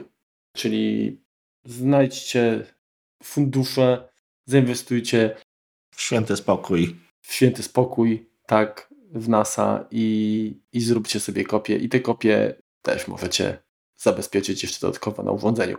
Jeżeli chcecie być krok przed intruzami i nie chcielibyście stracić swoich danych, tak, y, zarażonych właśnie jakimś ransomwarem i tak dalej, to, to pamiętajcie, że, że to trzeba troszkę wybiec, wy, wybiec w Dobra kopia lekarstwa na wszystko. Tak.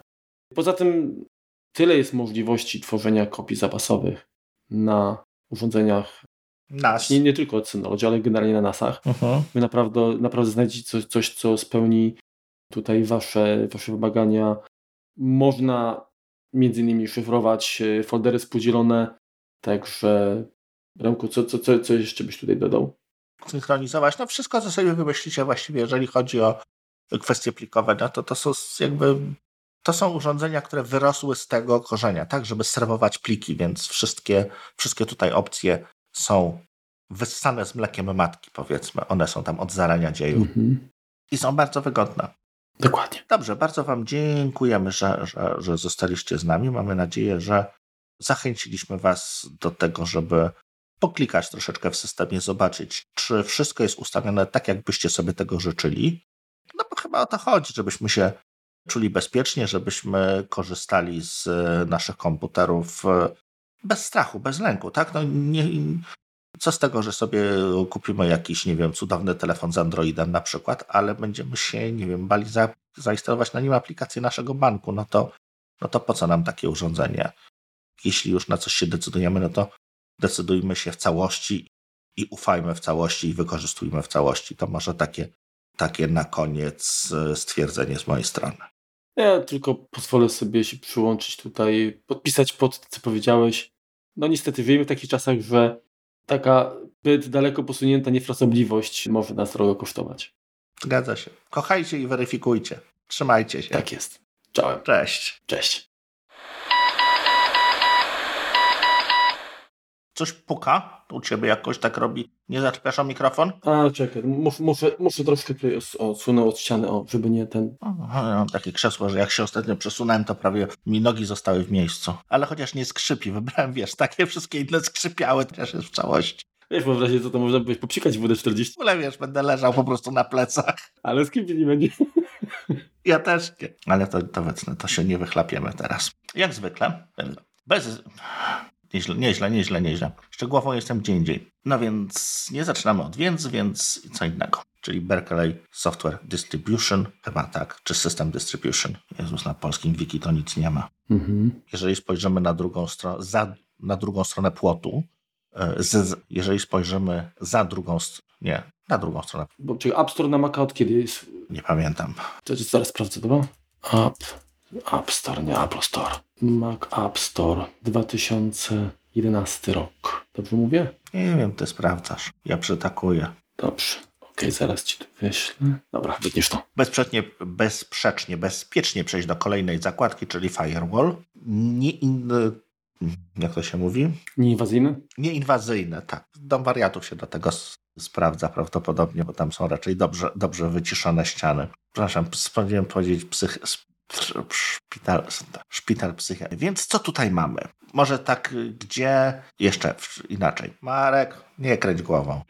Oczywiście. Znaczy, tak. Mam, mam tutaj i Hazela, a nie, widzisz. Czekaj, ja się muszę do prądu znowu podłączyć, bo zapomniałem tego zrobić. Czekaj, to szybko to zrobię, nie będę, już mam na czerwonym jadę.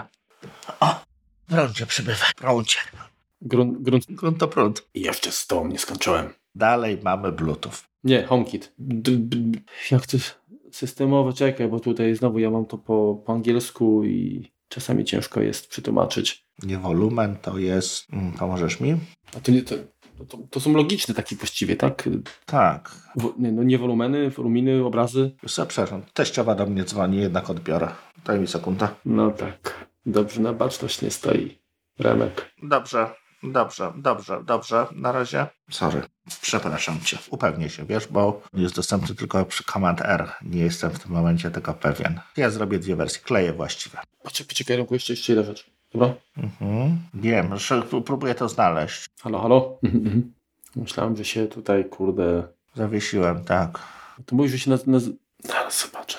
Disk utility. Kolejna ważna kwestia i, i, i powiedzmy dyskusyjna, o której, no dobrze, to masz rację, tak. Tak? I tutaj myślę, że to też warto tak, e, weź teraz, kurde. No to masz rację. Się będzie powtarzało. Jeszcze raz powiedz teksty, tylko szybko, bo ja szukam tutaj, wiesz, i... Dobrych zwyczajów na koniec. Zwyczajów. Dobra, zatrzymuję.